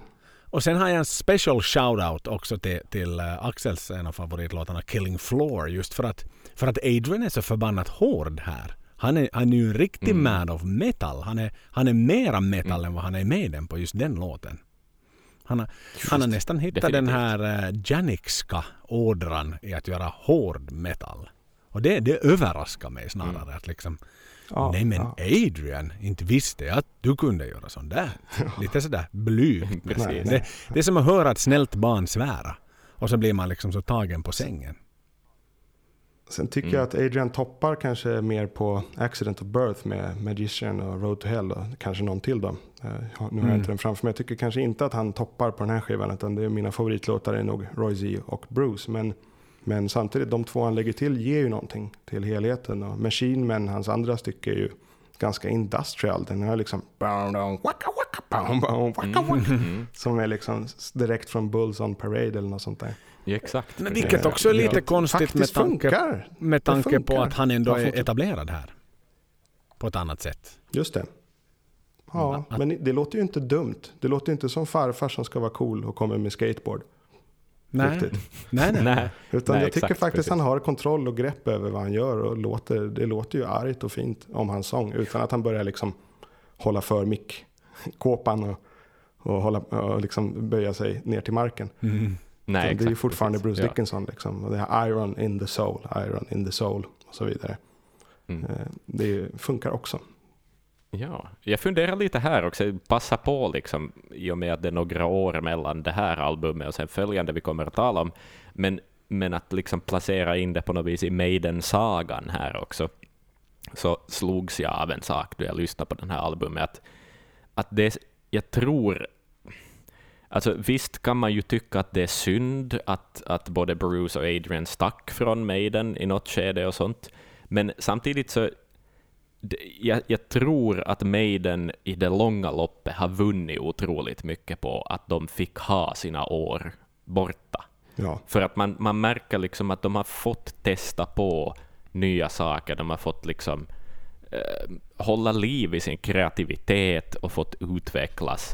Och, och liksom också eh, deras relation till bandet och sådär, att Bruce ändå till exempel gör soloskivor även efter att han har kommit tillbaka till bandet och- liksom att han får ha den rollen. Han har visat vad han tycker redan tidigare och liksom vill ha vissa friheter och så vidare. Att, att jag tror att det var ett sånt avbrott i relationen som behövdes egentligen. Mm. Jo, det, liksom. kan, det kan styrkas i en intervju jag tittade på nu tidigare idag inför den här bandningen. Då, där han sa att eh, han inte hade kunnat göra Brain World om han inte hade gjort Chemical Wedding dessförinnan. Mm.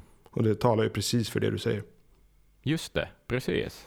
Ja, men det, det, är liksom, det är så fint att... Och också Adrian, liksom en shout-out till Adrian på det sättet att, att det är fascinerande hur, hur, hur mycket han verkar älska musik. Liksom. Att, att vilja utvecklas och göra nya saker och inte på något vis stelna i sin form som så otroligt många andra hårdrockare från 80-talet har gjort Visst.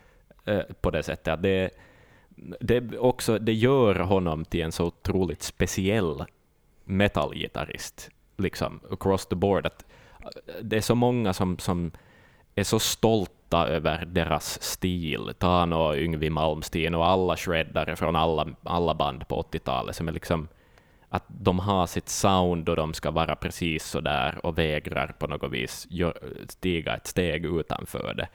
Men Adrian är liksom, han är bara nyfiken. Och, och det är fint, tycker jag. Och med ett Liksom Bruce mottagarperspektiv. förstås. Något sorts mottagarperspektiv också känner jag att Adrian har.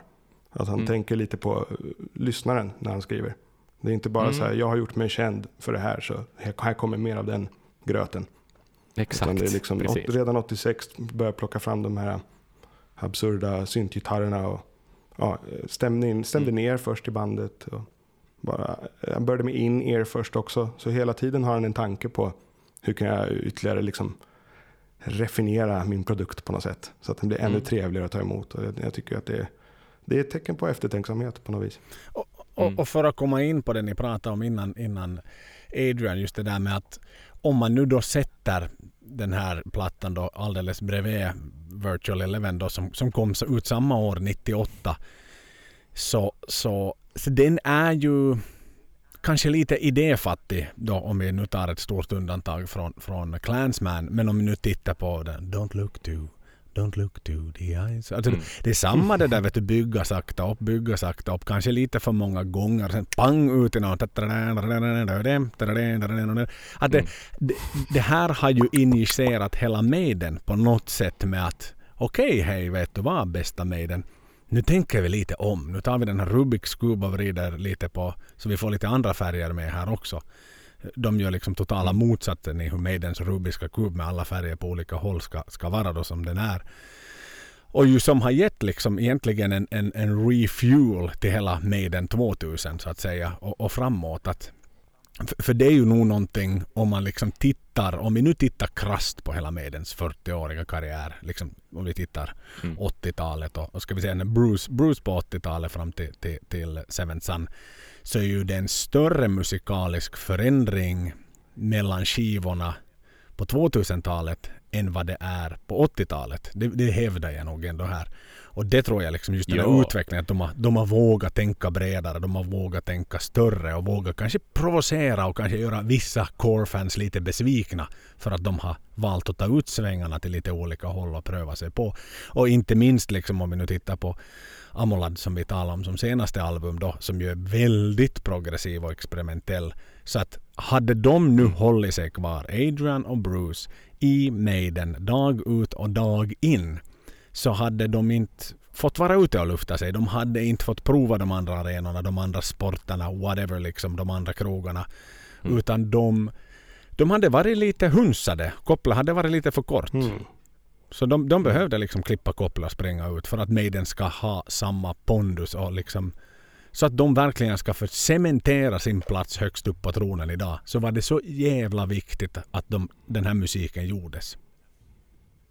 Mm. Ja. Sant. Jag ska, jag ska kasta ut en provocerande fråga åt er. Eh, vad, vad, vad väljer ni hellre nitt, år 1998? Se Maiden live eller Bruce Dickinson solo live? Jag väljer Bruce. Jag är nästan inne på samma spår faktiskt. Nå, Om man bara har Då pengar till en biljett och de spelar samma Ja. kväll. Eller så här. De spelar exakt samtidigt på två olika platser i staden. Mm. Oh, fan ändå. Ja, Det är nog svårt ändå. Ja. Det är ju svårt ändå. Ja, Men, jag- men Ja, jag tänker mer att Axel ger mig två alternativ. Mm. jag gör inget mer av det. Men- Och då väljer jag ju instinktivt Bruce faktiskt. Och då ska tilläggas att jag är ju fan av, av både X-Factor och Virtual Eleven. Men det är någonting kanske mer på gång här. Jag vet inte. Det är ett, och det är ett Mm. svårt val. Ja, och ska vi säga så här. Jag tycker ju att Virtual är bet- mycket bättre såklart än X-Factor. Eh, och även om ju de körde ju mycket gammalt, gammalt från Bruce-tiden givetvis också. Som, som de ju gjorde för att lätta upp stämningen med den på den här tiden. Men samtidigt så spelar ju Bruce och Adrian också lite Maiden på den här tiden. Så att det är Mhm. klart att jag hellre hade Mm. hört Prisoner med Adrian och Bruce än Prisoner med Blaze. Det är ju inget snack om saken liksom. Så på det Mm. sättet så får jag väl nog fan nästan och plus att Bruce har gjort jäkligt bra musik på den här tiden också. Mm. Så att, ja, fan, nog då hade jag fått dels det här och sen hade jag fått Maiden med Adrian och Bruce. Så sorry Steve, men jag får nog faktiskt nästan gå med den här biljetten till Bruce. Jag tror de körde Mm. Power Slave, Flight of Icarus också. Så det är inte dumt. Nej, nej, nej. nej. Det är ju låtar som inte ens Maiden spelade då, som de inte hade spelat på jättelänge. Mm. Så bara det hade ju gett ett, ett värde i sig. Så är det. Min sista fråga om den här skivan. Spår nummer 10, The Alchemist. Hade ni valt The Alchemist härifrån eller The Alchemist från Final Frontier? Vi var inne på det när vi bandade Maiden A to Z, för vi har hunnit banda The Alchemist. Och den, jag tycker att det är en otroligt anonym Maiden-låt. Mm. Som inte är tillräckligt dålig eller pajig för att bli rolig. Men den är inte tillräckligt bra för att bli rolig heller. Eh, Så jag skulle lätt valt The Alchemist. Lätt valt The Alchemist. Och den har ju sådana här rainbow-inslag i sig. Mm. Upptäckte jag idag. Med lite sådana här det. körsyntar och det finns en Dio, Long Live Rock'n'Roll, Gates of Babylon feeling i det. Eh, och sen är solot också uppenbarligen Blackmore inspired. Richie Precis. Blackmore som för övrigt fortfarande lever, Joel. Tänk vad roligt. Halleluja. Goda Det är nyheter. fantastiskt. Ett glädjebud. Ja. Vad roligt. vad, vad skulle du valt Axel? Eh, jag skulle ha valt, eh, jag väljer ju nog Bruce Alchemist också. I, inte för att jag tycker att någondera egentligen är jätte, jättebra, eh, men jag tycker om, eh, vad ska vi säga, jag, jag, kiva att du tog upp det här Joel, för att man kan ju inte prata om den här albumet utan att nämna att den ju avslutas med en så att säga hidden track. Vilket är ju det, är ju det tråkigaste som finns i streamingtider. Mm. För man, är liksom, man ser ju hur mycket det är kvar av låten och så är det tyst. Och så förstår man, aha, just det, det finns något dolt där på slutet. Eh, nej, jag snackar ju om fel låt. Jag snackar om det som senare, som additional tracks, det är väl uh, Confeos är det Just som det, slutar med den den där eh, märkliga skumma, One si- Night- ja, som var med på en re, vad är, någon sorts repress eller någonting. Den är väl inte en del av originalet? Nej, den fanns med Äh. på Alchemist på tidigare varianter, så du har helt rätt. Sen det var ju det när man gav ut en sån här Wow, den det? expanderad variant med bonuslåtar. Så då flyttades den så, så att säga fram till Confeos. Men den låg på originalet på Alchemist, så det har du helt rätt i. Okej. Okej, jag tror jag, Jag tror... blandar ihop faktan här. Men ändå, en hidden track någon konstig liten dikt eller vad den Ja. är inläst av någon. Ja, den där ja, On My Left Foot och allt det där. För jag tänkte. Confeos är ju inte med på min. Men det är ju mer det här On My Sandal, On My Left Foot och allt vad det är. Precis. Som vi har suttit och skrattat åt på några förfester. Men det är ju som, går det, kan Spotify, hej Daniel Ek, jag talar till dig nu, Ehm, kan du fixa så att det går att ha hidden tracks på Spotify också? Så att det faktiskt blir överraskande. Ja, Tack. bra idé. Mm. Ge oss mer och ge mm, artisterna mera pengar om du nu eh, lyssnar här. Om Ja, du nu tack. håller på Ja, tack. också. Om du måste välja mellan att ge mera pengar eller fixa hidden track-möjligheter, så äldre det första då. Ja, jag skulle gärna utöka min årliga Spotify-lön från, från 7,50 dollar till kanske 75. Det är väl orimligt ändå tycker jag med några skivor ute. Mhm. Det tycker man definitivt. Det räcker inte till abonnemanget ens. Ja. All in all då grabbar. The Chemical Mm. Wedding, vad har ni för slutsummering på den? Jag kan köra min korta, för den är kort. Mm. Och det är att det är kanske fan 90-talets bästa heavy metal-album tycker jag. Och då snackar jag alltså traditionell heavy metal. Inte, Mm. Då går vi inte in och jämför med thrash och döds och sånt som jag också gillar. Utan som traditionell eh, classic heavy metal, kanske 90-talets absolut Men nu bästa. blev jag ändå nyfiken. Vilken Precis. är den bästa om du inkluderar allt?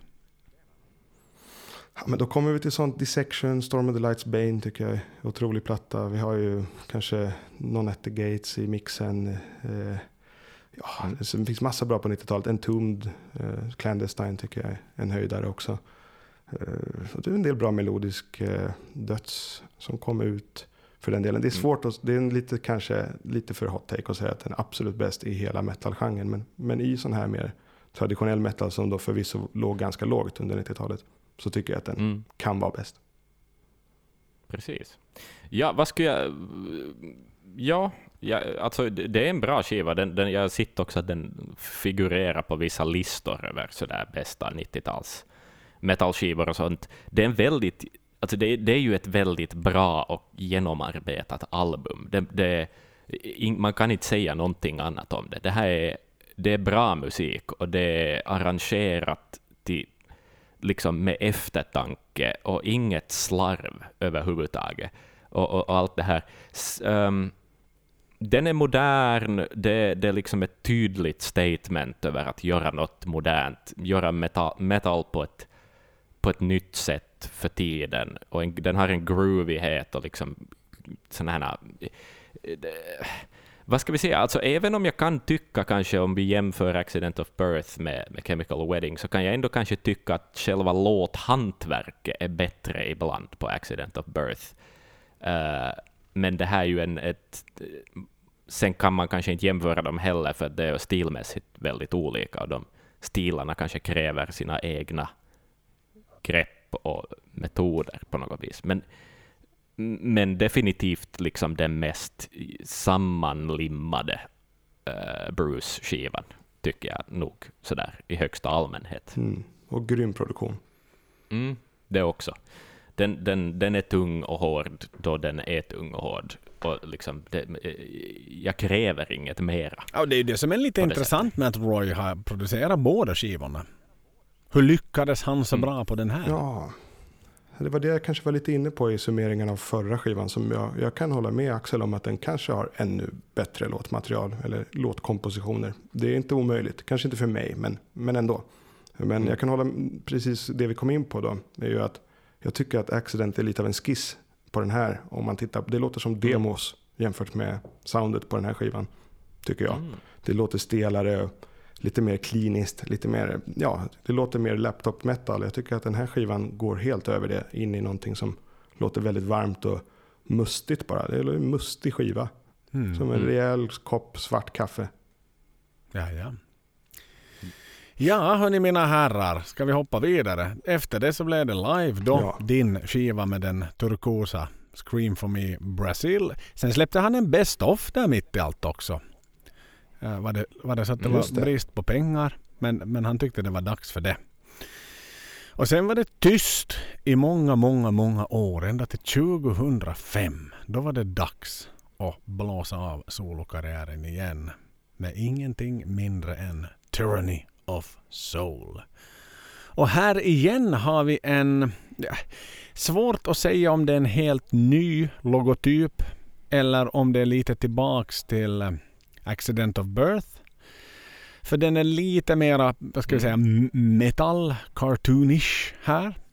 Men han är ju väldigt mm. frisk och han är lite fastnat i det artistiska, kanske lite mer det konstnärliga. Men konvoluterna svänger väldigt mycket på Bruce soloskivor i alla fall. Det, det finns kanske ingen riktigt, eh, vad ska vi säga, linje där som, som röd tråd är det jag är ute efter. Grön linje tänkte jag säga, men, men röd tråd var det jag skulle säga. gröna linjen. ja. Det är ju dock en oljemålning det här också tror jag. Och också en äldre oljemålning från kanske liknande era. Mm -hmm. Men eh, okay. det, tar, det tar jag inte gift på. Det, jag har bara fått för mig det. Mm. Men det är ganska snyggt med den här, med Satan, och, och, eller vad det nu är, och, ja. och, och någon sorts gubbe i magen.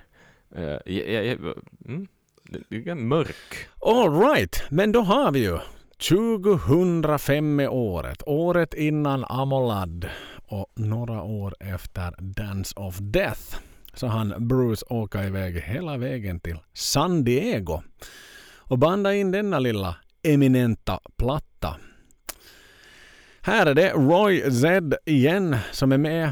Övrig besättning är helt ny denna gång och Adrian har konstaterat att han inte längre orkar vara med i två band utan han är nöjd med att bara spela i Maiden. Mm. Ja, vilket det känns är väl okay. ett nötskal, Tyranny of Souls. Ja, visst. Ja. Ganska spännande hur den här skivan då har gjorts i lite andra omständigheter än de två skivorna innan. Det är, mm. Till ganska stor del Roy C's soloplatta lika mycket som Bruce soloplatta. Eh, utifrån vad jag har hört då i, i de här intervjuerna och EPK och sånt som finns kring den här. Att eh, han har suttit och filat på riff på riff på riff och ringt Bruce mitt i natten och haft något fint riff som han vill spela upp över telefonen. Och Bruce har samtidigt då turnerat med Iron Maiden och arbetat med Iron Maiden och liksom försökt passa in ord i de här tydligen riffen bara. Han har bara fått riff, inga trummor och ingen bas. Okay. Utan riff. Och så har han suttit på ett café i Montreal säger han. Eller gått runt i Tokyo. Och liksom lyssnat i sina hörlurar och försökt komma på små textsnuttar. Och han säger att kan han komma ihåg låten i relation till en textsnutt. Då vet han att då har någonting på gång. Då kan det mm. bli intressant. Har det skett en fusion där kanske. Som kan skapa mm. någonting. Och, ja, det var ju under Dance of Death-turnén också som han eh, satte skivan. Så vitt jag minns. Så spelade han in den i LA under ganska kort tid mitt i turnén för Dance of Death. Ja, han, han har många järn i elden, Bruce. Och mycket Sjukt vad han energi. hinner med alltså. Oh ja, gällande hela den här eran som vi pratar om så är det en otrolig output, måste jag säga. Och att det är så pass många låtar som faktiskt är så bra också. Ja. Det är svårt att ta ifrån Bruce att han är lite utöver det vanliga. Mm. Det är verkligen det. Och här, här börjar han ju plocka in flygplansdelarna också in i sin solo här. Så det, är ju, Oh ja, det ju, oh ja. känns ju tryggt på något sätt. Jaha.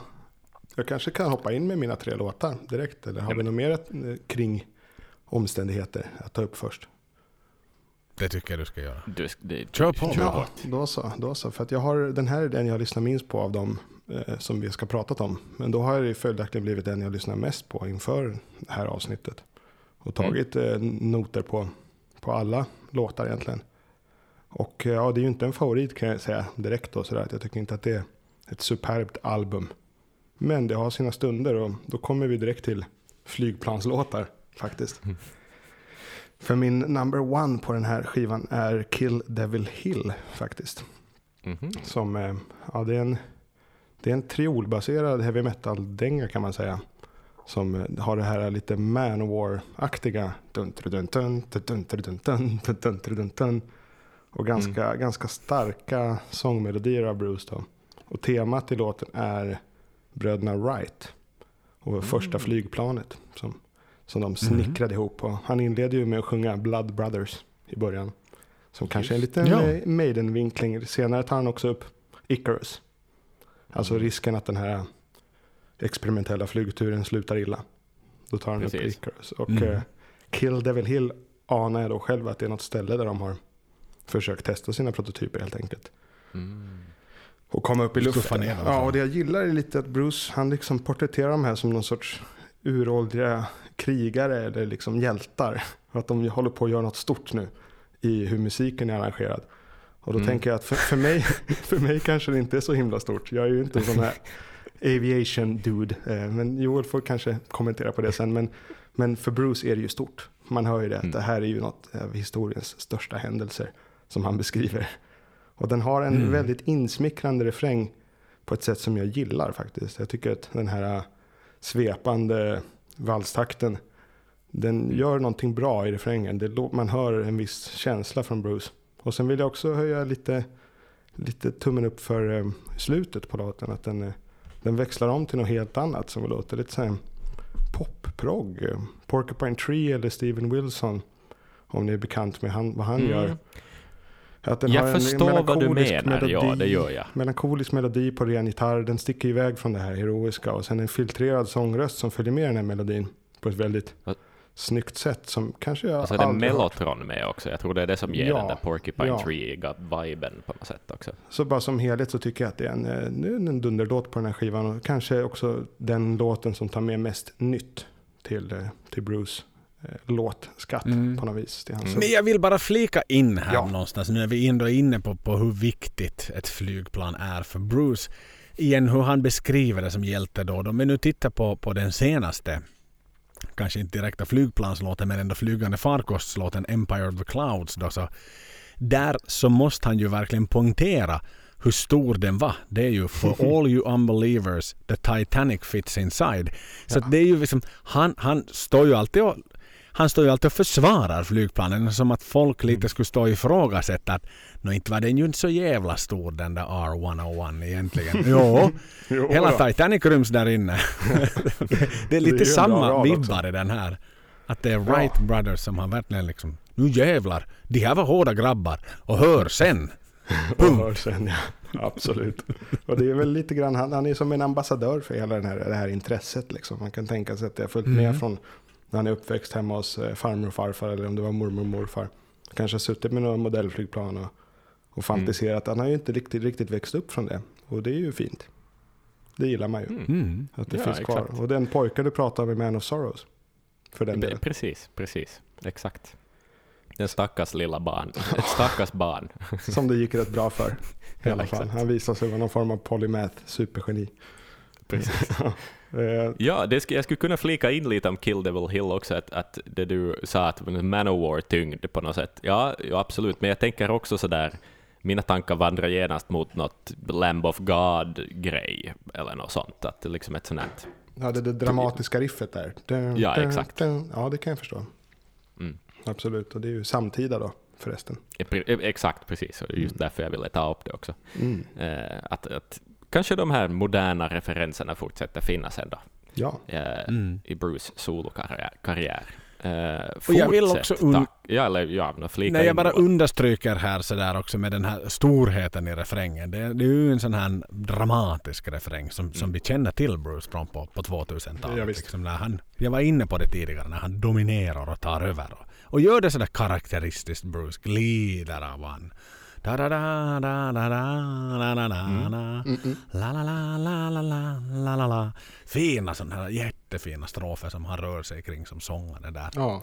Och sen den andra lilla positiva när de går ner i den där gitarrsållanden. Du vet den där lilla tysta delen. Det där, det där Joel som gillar Maiden när Maiden är tidigt ute i sin karriär. Mm. Exakt. Så det gör det hypnotiskt. ja det så att jag kan jättefint. få mig själv att somna. Det kan vara just den här Ja, delen som jag ska nynna den. på så somnar jag. Menar du slutet då också eller? Den som jag tycker var lite Exakt. pop-proggig. Jag tycker det är ett otroligt Ja. härligt inslag på skivan som helhet och sticker ut. Så Mm. det är en väldigt bra låt och den var sen för mig att upptäcka. Det var inget jag noterade när jag lyssnade på den här skivan då för 14 år sedan. Mm. Utan mer nu när man har återupptäckt den. Och det som jag var inne lite på att kanske utveckla det också som Axel pratade om. Att det finns en hel del eh, moderna inslag i den. I låtar som till exempel Abducted som inte är med i min topp då. Men den har ju sån här In Flames eh, riffage Mm. i sig. Och det dyker upp lite här och där på skivan. En annan låt som, som då är med, är med i min topp har inte riktigt det stuket. Och det är A River of No Return. Som har ett Just. otroligt 80s riff. Som kommer Ja. 35 sekunder in. Och resten av låten är också bra men jag väljer den för det där jäkla riffet. För jag tycker Mm. det är så ballt. Det är så 80s. Det är liksom laser, lasergitarren som är framme. Mm. Och refrängen i River of No Return den känns kanske lite så här Live Aid-varning. lite sån här 80-90-tals uh, hjälpgala-rock på något vis. Mm. Men jag tycker ändå sen, den, den bygger upp. Vers 2 är lite annat komp än vers 1. Den håller sig intressant. Och sen får man ett av de fetaste solopartierna också där det kommer ett, jag skulle våga kalla det någon typ av dödsmetallriff som går några gånger. De, liksom, de drar aldrig igång på det. Men det är ett sånt här entombed riff liksom som, ja man tänker på det här stora korset på Skogskyrkogården här i närheten. När man, Mm. när man hör det. Och som sen går över ett jäkligt coolt solo som tyvärr är för kort. Hade det inte varit Mm. så kort så hade, hade det kunnat vara en favorit. Ni kanske har något att kommentera på River of No Return? Mm, jag reagerar också på det där 80-talsriffet faktiskt. Eh, det, eh, vad var nu, jag vet inte, vad jag började tänka på något så här Docken eller varför inte lite Van Halen också? Något så här liksom eh, Running with the Devil-håll, liksom ett sånt riff. Och det, eh, man blir ju så glad då man hör det. Och det är en sån kontrast på den här skivan som annars är så modern och så liksom sågande i Mm. många riff på det sättet. Eh, ja, men, men inget annat. Det, det är faktiskt är lite doldis. Sådär, eh, Ja. kan jag nog hålla med om. Mm. Precis som When the River Runs Deep. Också en doldis tycker jag på Book of Souls. Som jag gillar. Verkligen ja. Mm. Ja, jag har en Det- låt till. det- det- om det inte, inte vill rivers Ja, are kör. working ap- apparently. Nej men lite också jag mogen och vacker och, och sen gillar jag ju den här piano där i, där i versen också. Man har klinkat Mm. in lite piano där. Som, Ja, som- varför inte?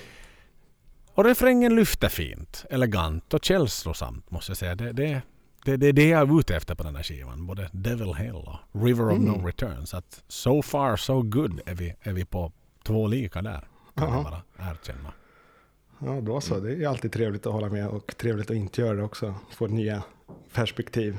Den, Mm. den sista Mm. och tredje som jag har valt som en utstickare är ju titelspåret då. Och även avslutningsspåret på skivan. Tyranny of Souls. Som jag tycker att det är lite nice att det här introt, det låter ju som Slayer eller Black Sabbath. Mm. Det liksom går mot någon sorts Seasons in the Abyss. Långsamma Slayer. Och eh, den från början var ju den skriven för The Three Tenors. Som skulle vara Bruce, Geoff Tate från Queensryche och eh, Rob Halford. eh, Som vi Mm. pratat om tidigare idag. Från Judas Priest såklart. Eh, men jag tror det projektet lite grann, det blev inte så mycket av det. Det blev väl den där eh, som vi nämnde tidigare då. Den, vad hette den? Påminn mig. Eh, The One You Love To Hate. Så heter den. Precis. Exakt. Det blev väl i princip bara det tror jag. De gjorde det live någon gång också. Bruce Dickinson går upp på scenen på något gig och säger Merry fucking Christmas. Och sen kör de den. Vilket är ganska bra upptagning. Jag kan rekommendera den. Jag kommer inte ihåg vad man ska söka på men ja, The One You Ah. Love To Hate Live. Det är liksom en Sån liten scen. i den. Det är så liten scen. Det är sådana scener som vi tre har spelat på.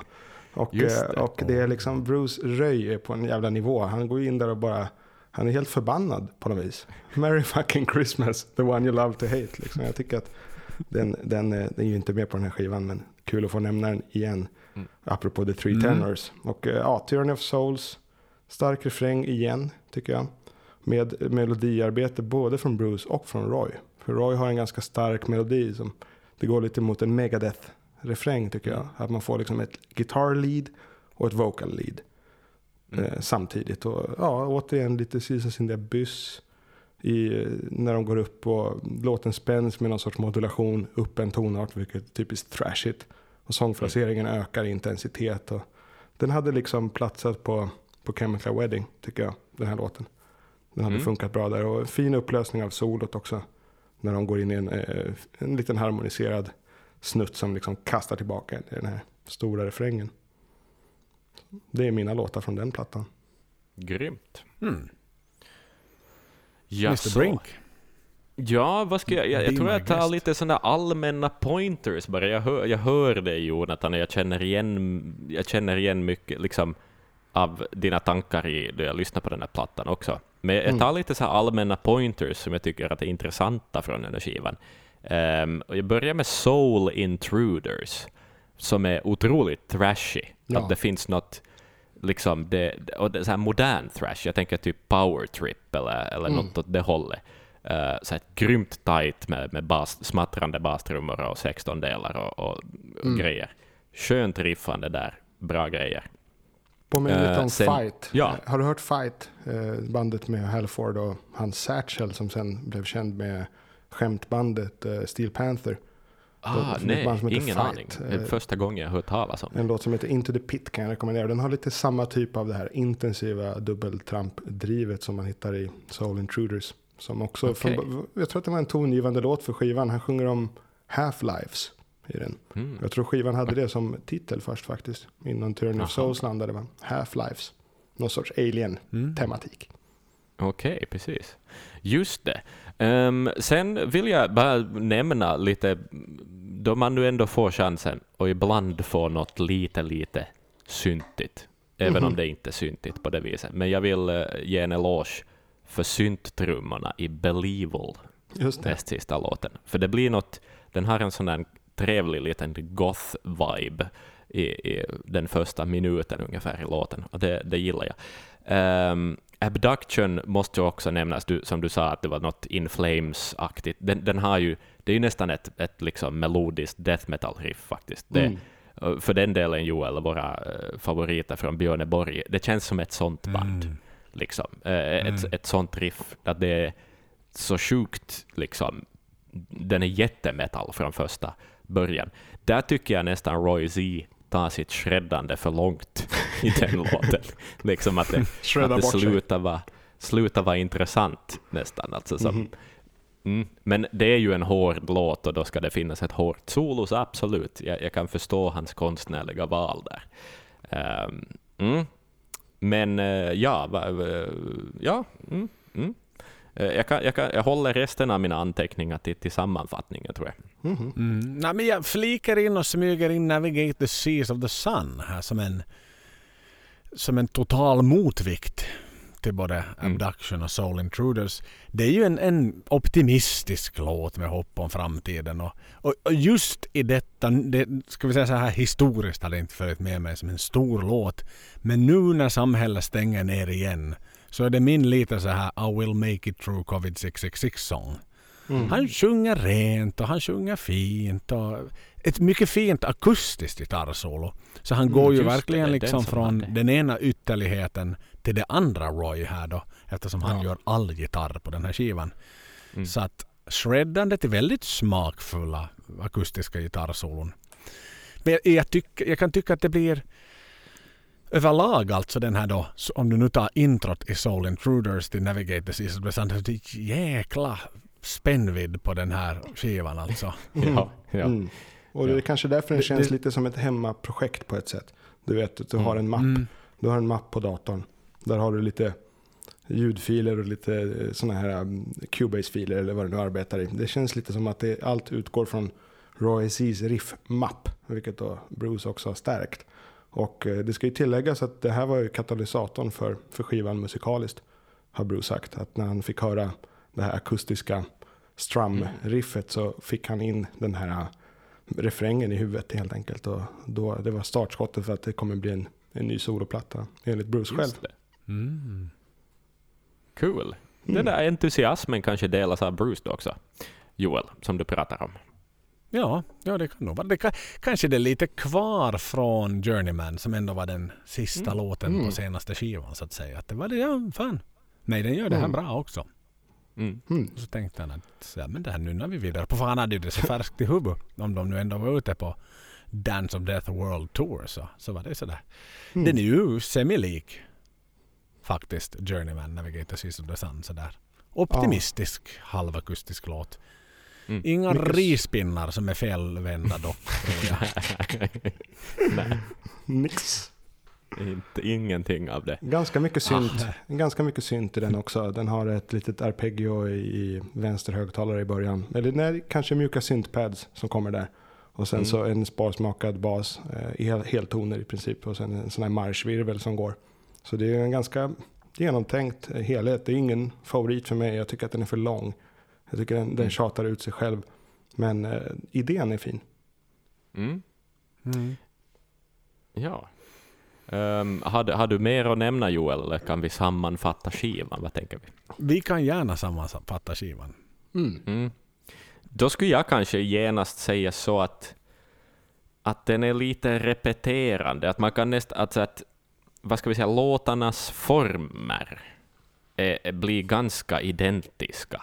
Att, att mm, det kanske också lite är en produkt av det här, möjligen då liksom hemmaproduktionen, eller på det sättet att, att det blir ett safe sätt att faktiskt få ett album gjort, att lite repetera samma recept. Att det är nästan, man kan alltid liksom lägga cursorn sådär tre fjärdedelar in i låten och så får man ett gitarrsolo. Mm. Att det, det, jag skulle säga att det funkar i åtta fall av tio eller någonting. Eh, och sådär att, att, att den blir kanske lite, den, ja, och den här spännvidden som du pratade om Joel också, att den är det, det är inte, som ett album är det inte så hi- himla starkt. Eh, Då lägger jag nog definitivt hela min insats på, på Chemical Wedding av, av dessa plattor vi har talat om idag. Mm. Men, men, det där, eh, men den har sina, den har sina ljuspunkter. Eh, Sen kan jag tycka kanske att melodierna också ibland är lite säkra. Att, att, och sådär ackordföljder och sånt där. Att man kanske skulle kunna... Mm, Bruce, okay, Bruce gillar klara melodier och sådär, utan något extra. Och det är ju det som Maiden har byggt upp hela sin karriär på också. På liksom tydliga, klara melodier. Men, men i den här, då den ändå annars kan vara ganska okonventionell och väldigt mycket brutalitet ibland och så vidare, så skulle jag kanske... Jag, jag förväntar mig någonting lite annat. Så Mm. att, att en melodi kanske skulle ha stuckit ut lite mer på något sätt. Att det blir lite jämntjockt för min egen del. Mm. Ja. Mm. Jag, jag flikar in bara och konstaterar, jag tycker nog att den är... Man märker att Bruce är tillbaka i Maiden och man märker att det är lite sådär mitt emellan en turné som den spelas in och skrivs och han visslar runt i Tokyo sådär och skriver lite texter. Det, det är ju inte samma hantverk bakom den här som det är bakom de två tidigare vi pratade om. Mm. Nej, jag håller med helt om det och jag tycker att den har, den har, eh, det, den har bra inslag, det är en bra skiva. Eh, Men den känns lite som best of the rest kanske. Och jag påminns lite om klivet från Seventh Sun till No Prayer också. Eh, Bruce sa ju själv att han var nervös och han erkänner att han var nervös. Hur ska jag följa upp Chemical Wedding? För att han tycker om den skivan precis som jag. Han tycker Mm. att det är en otroligt lyckad och bra skiva. Även om den släpptes på ett litet bolag och kanske inte fick så många öron som säg till exempel Seventh Sun. Men eh, han var ju väldigt nöjd med den och hade svårt att följa upp den. Och han har ju inte riktigt lyckats tycker jag. Utan jag får lite känslan samma som No Prayer att vi provar något annat som inte blir riktigt, riktigt lika mäktigt. Det blir inte lika episkt, inte lika bra tycker jag. Mm. Men fortfarande en helt okej skiva. Jag skulle gett en, en 3 av 5. Mm. Tre av fem. Det Mm. låter Ja, Ja, men det exakt. här- det, är liksom det- det- bra, det är ett gott betyg, men, men Ja. ingenting fantastiskt.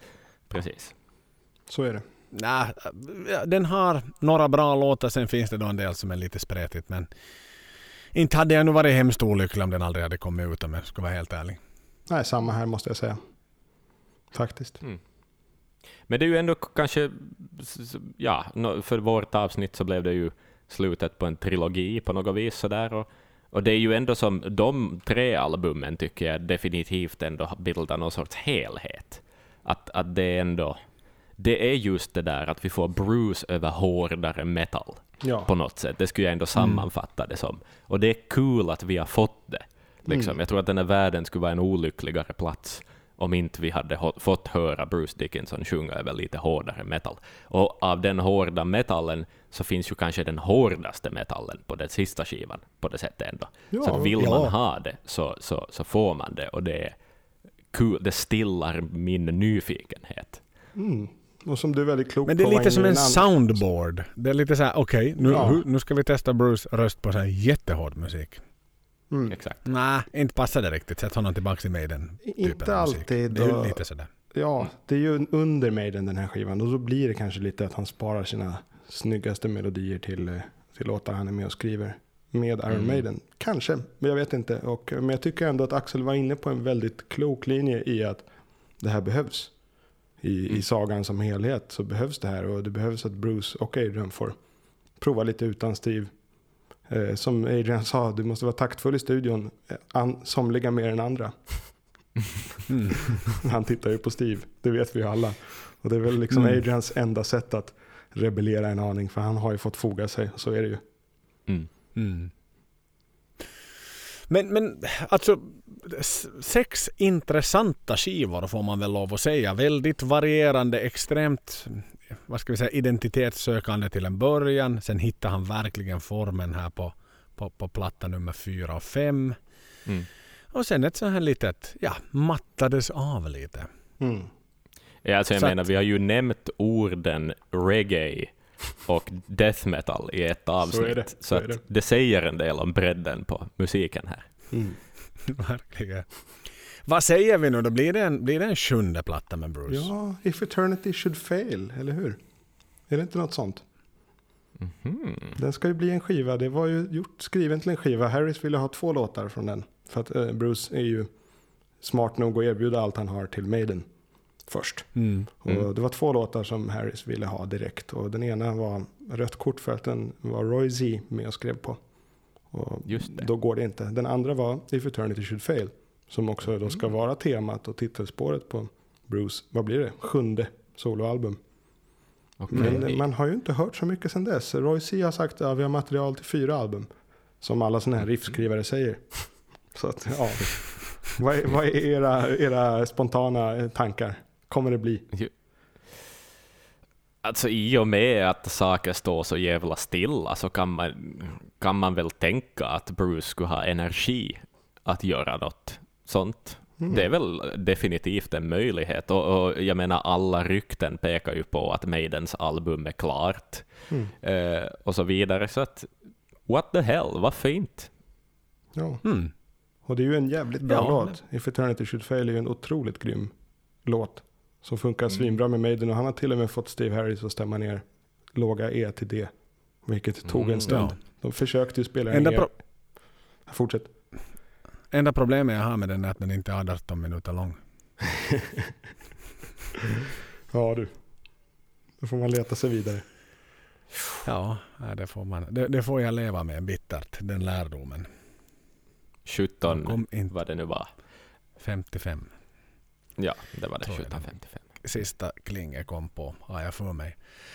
Nej men varför bövelen? Det, det är kul att höra Bruce och det är kul att höra honom med andra musiker. Det är kul att höra Roy Z, Roy Z liksom spela och rocka loss också. Kul att som sagt ha fått höra Adrians smakfulla solon långt bort ifrån Steve. Så s- ja, all in all så är det ju en, en intressant injektion får jag lov att säga. Även om, om, jag nu ska sätta mina, om jag nu ska sätta alla pengar på en skiva så, så för det är väl inte det den här och inte det de tre första utan nog för tusen blir det ju Accident of Birth som får, får mina pengar. Mm. Mm. Många som tycker så.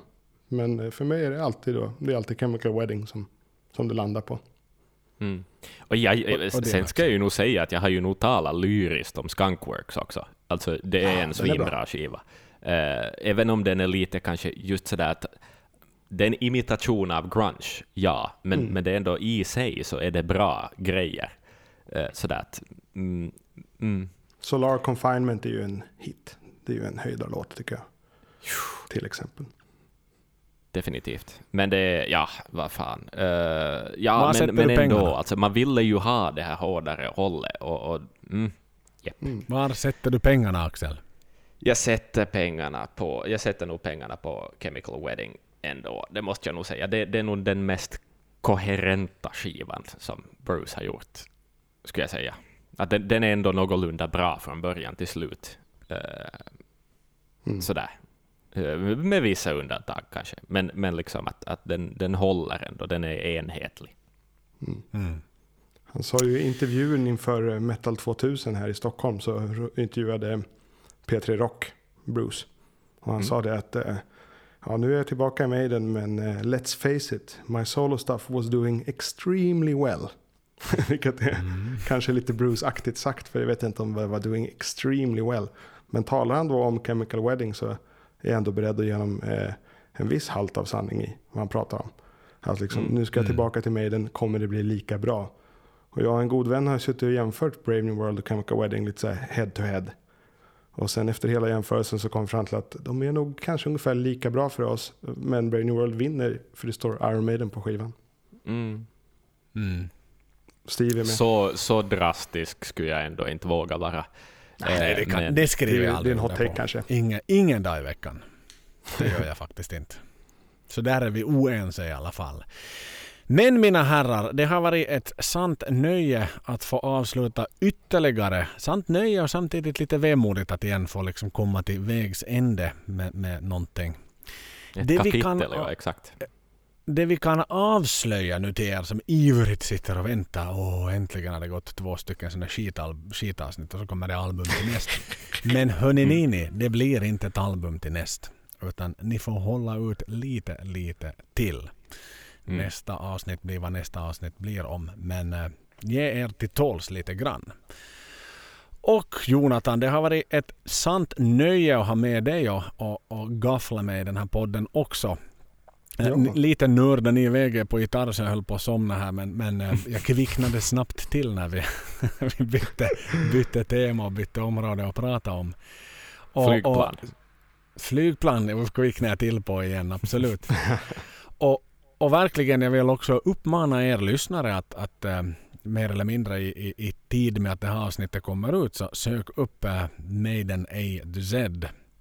Ja, Och, Maiden eh, A-Z helt enkelt. Maiden-Z och eh, helt A-Z. enkelt ta A-Z förlåt. Mm. Här kan vi klippa om vi vill. Mm. Sök upp och prenumerera på, på podcaster där så, så har ni två stycken hungriga Maiden-eater som också kommer att ge sig i kast på ett lite annat sätt med, med Maiden. Mm. Det, det ser jag personligen väldigt mycket fram emot. Mm. Något övrigt att tillägga? Nej, men stort tack för att jag fick vara med och det var ju grevens tid innan den här fantastiska podden tar sitt slut. Och eh, jag måste ju säga att jag tycker att ni går ut på absolut topp. De sista Mm. avsnitten har ju varit de bästa. Och jag tycker det märks också bland lyssnarna i gruppen och så vidare. Så att ja, ni går ut liksom med flaggan i topp och har satt ert lilla, eller stora avtryck i hela den här Maiden lore som vi någonstans lever i. Tusen tack Jonathan, det Tack värmer mitt hjärta. Och vi kan ju Joel, vi måste ju säga det så här i slutet också här. Vi måste ju tacka en person för någonting som vi har fått. Det måste vi ju också göra. Absolut. Om vi fortsätter gotta oss i våra självgoda jag en liten stund. Vad har vi fått Joel? Vi har fått post.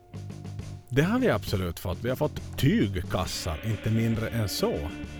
Och äh, det, det var, måste jag säga, förbluffande överraskning. Jag var, jag var så stolt att få det. Och det var Johanna som, som hade gjort två skräddarsydda tygkassa som hon skickade till Maiden-podden med texten “Stick to your guns”. Mm. Som vi också Mm. ganska frekvent har använt här i podden för att någonstans Steve, Steve stuck to his guns och, och det är det som är anledningen till att vi sitter här och hyllar Maiden idag. Så vi är oerhört tacksamma för det. Jag kan säga att den fick åka på en premiärtur till Systembolaget med mig i lördags och den, ja, den, den hanterade leveransen alldeles ypperligt. Sen kan man sätta annat i den också kan jag bara tillägga om det är såna som, som blir rynkar på näsan. Nej. Så att stort tack, stort tack för de påsarna. De kommer att användas med råge. Jag ska skicka iväg på posten till, till Finland för det ser ju inte ut som att det blir så herrans mycket besök dit nu när man stänger ner hela Sverige igen. Så att eh, vi har, vi har ja, Axel får känna, jag ska göra på något sätt så den luktar mig den där påsen Axel. Jag ska gnugga den i mig när jag skickar den till så kan du i alla fall lukta det. på mig på påsen. Eller sätta ut den på balkongen och vedras. Exakt. Direkt, det får du välja hur du gör. Ja. Men i sedvanlig ordning om två veckor på nytt. Puss och kram och Up the motherfucking irons.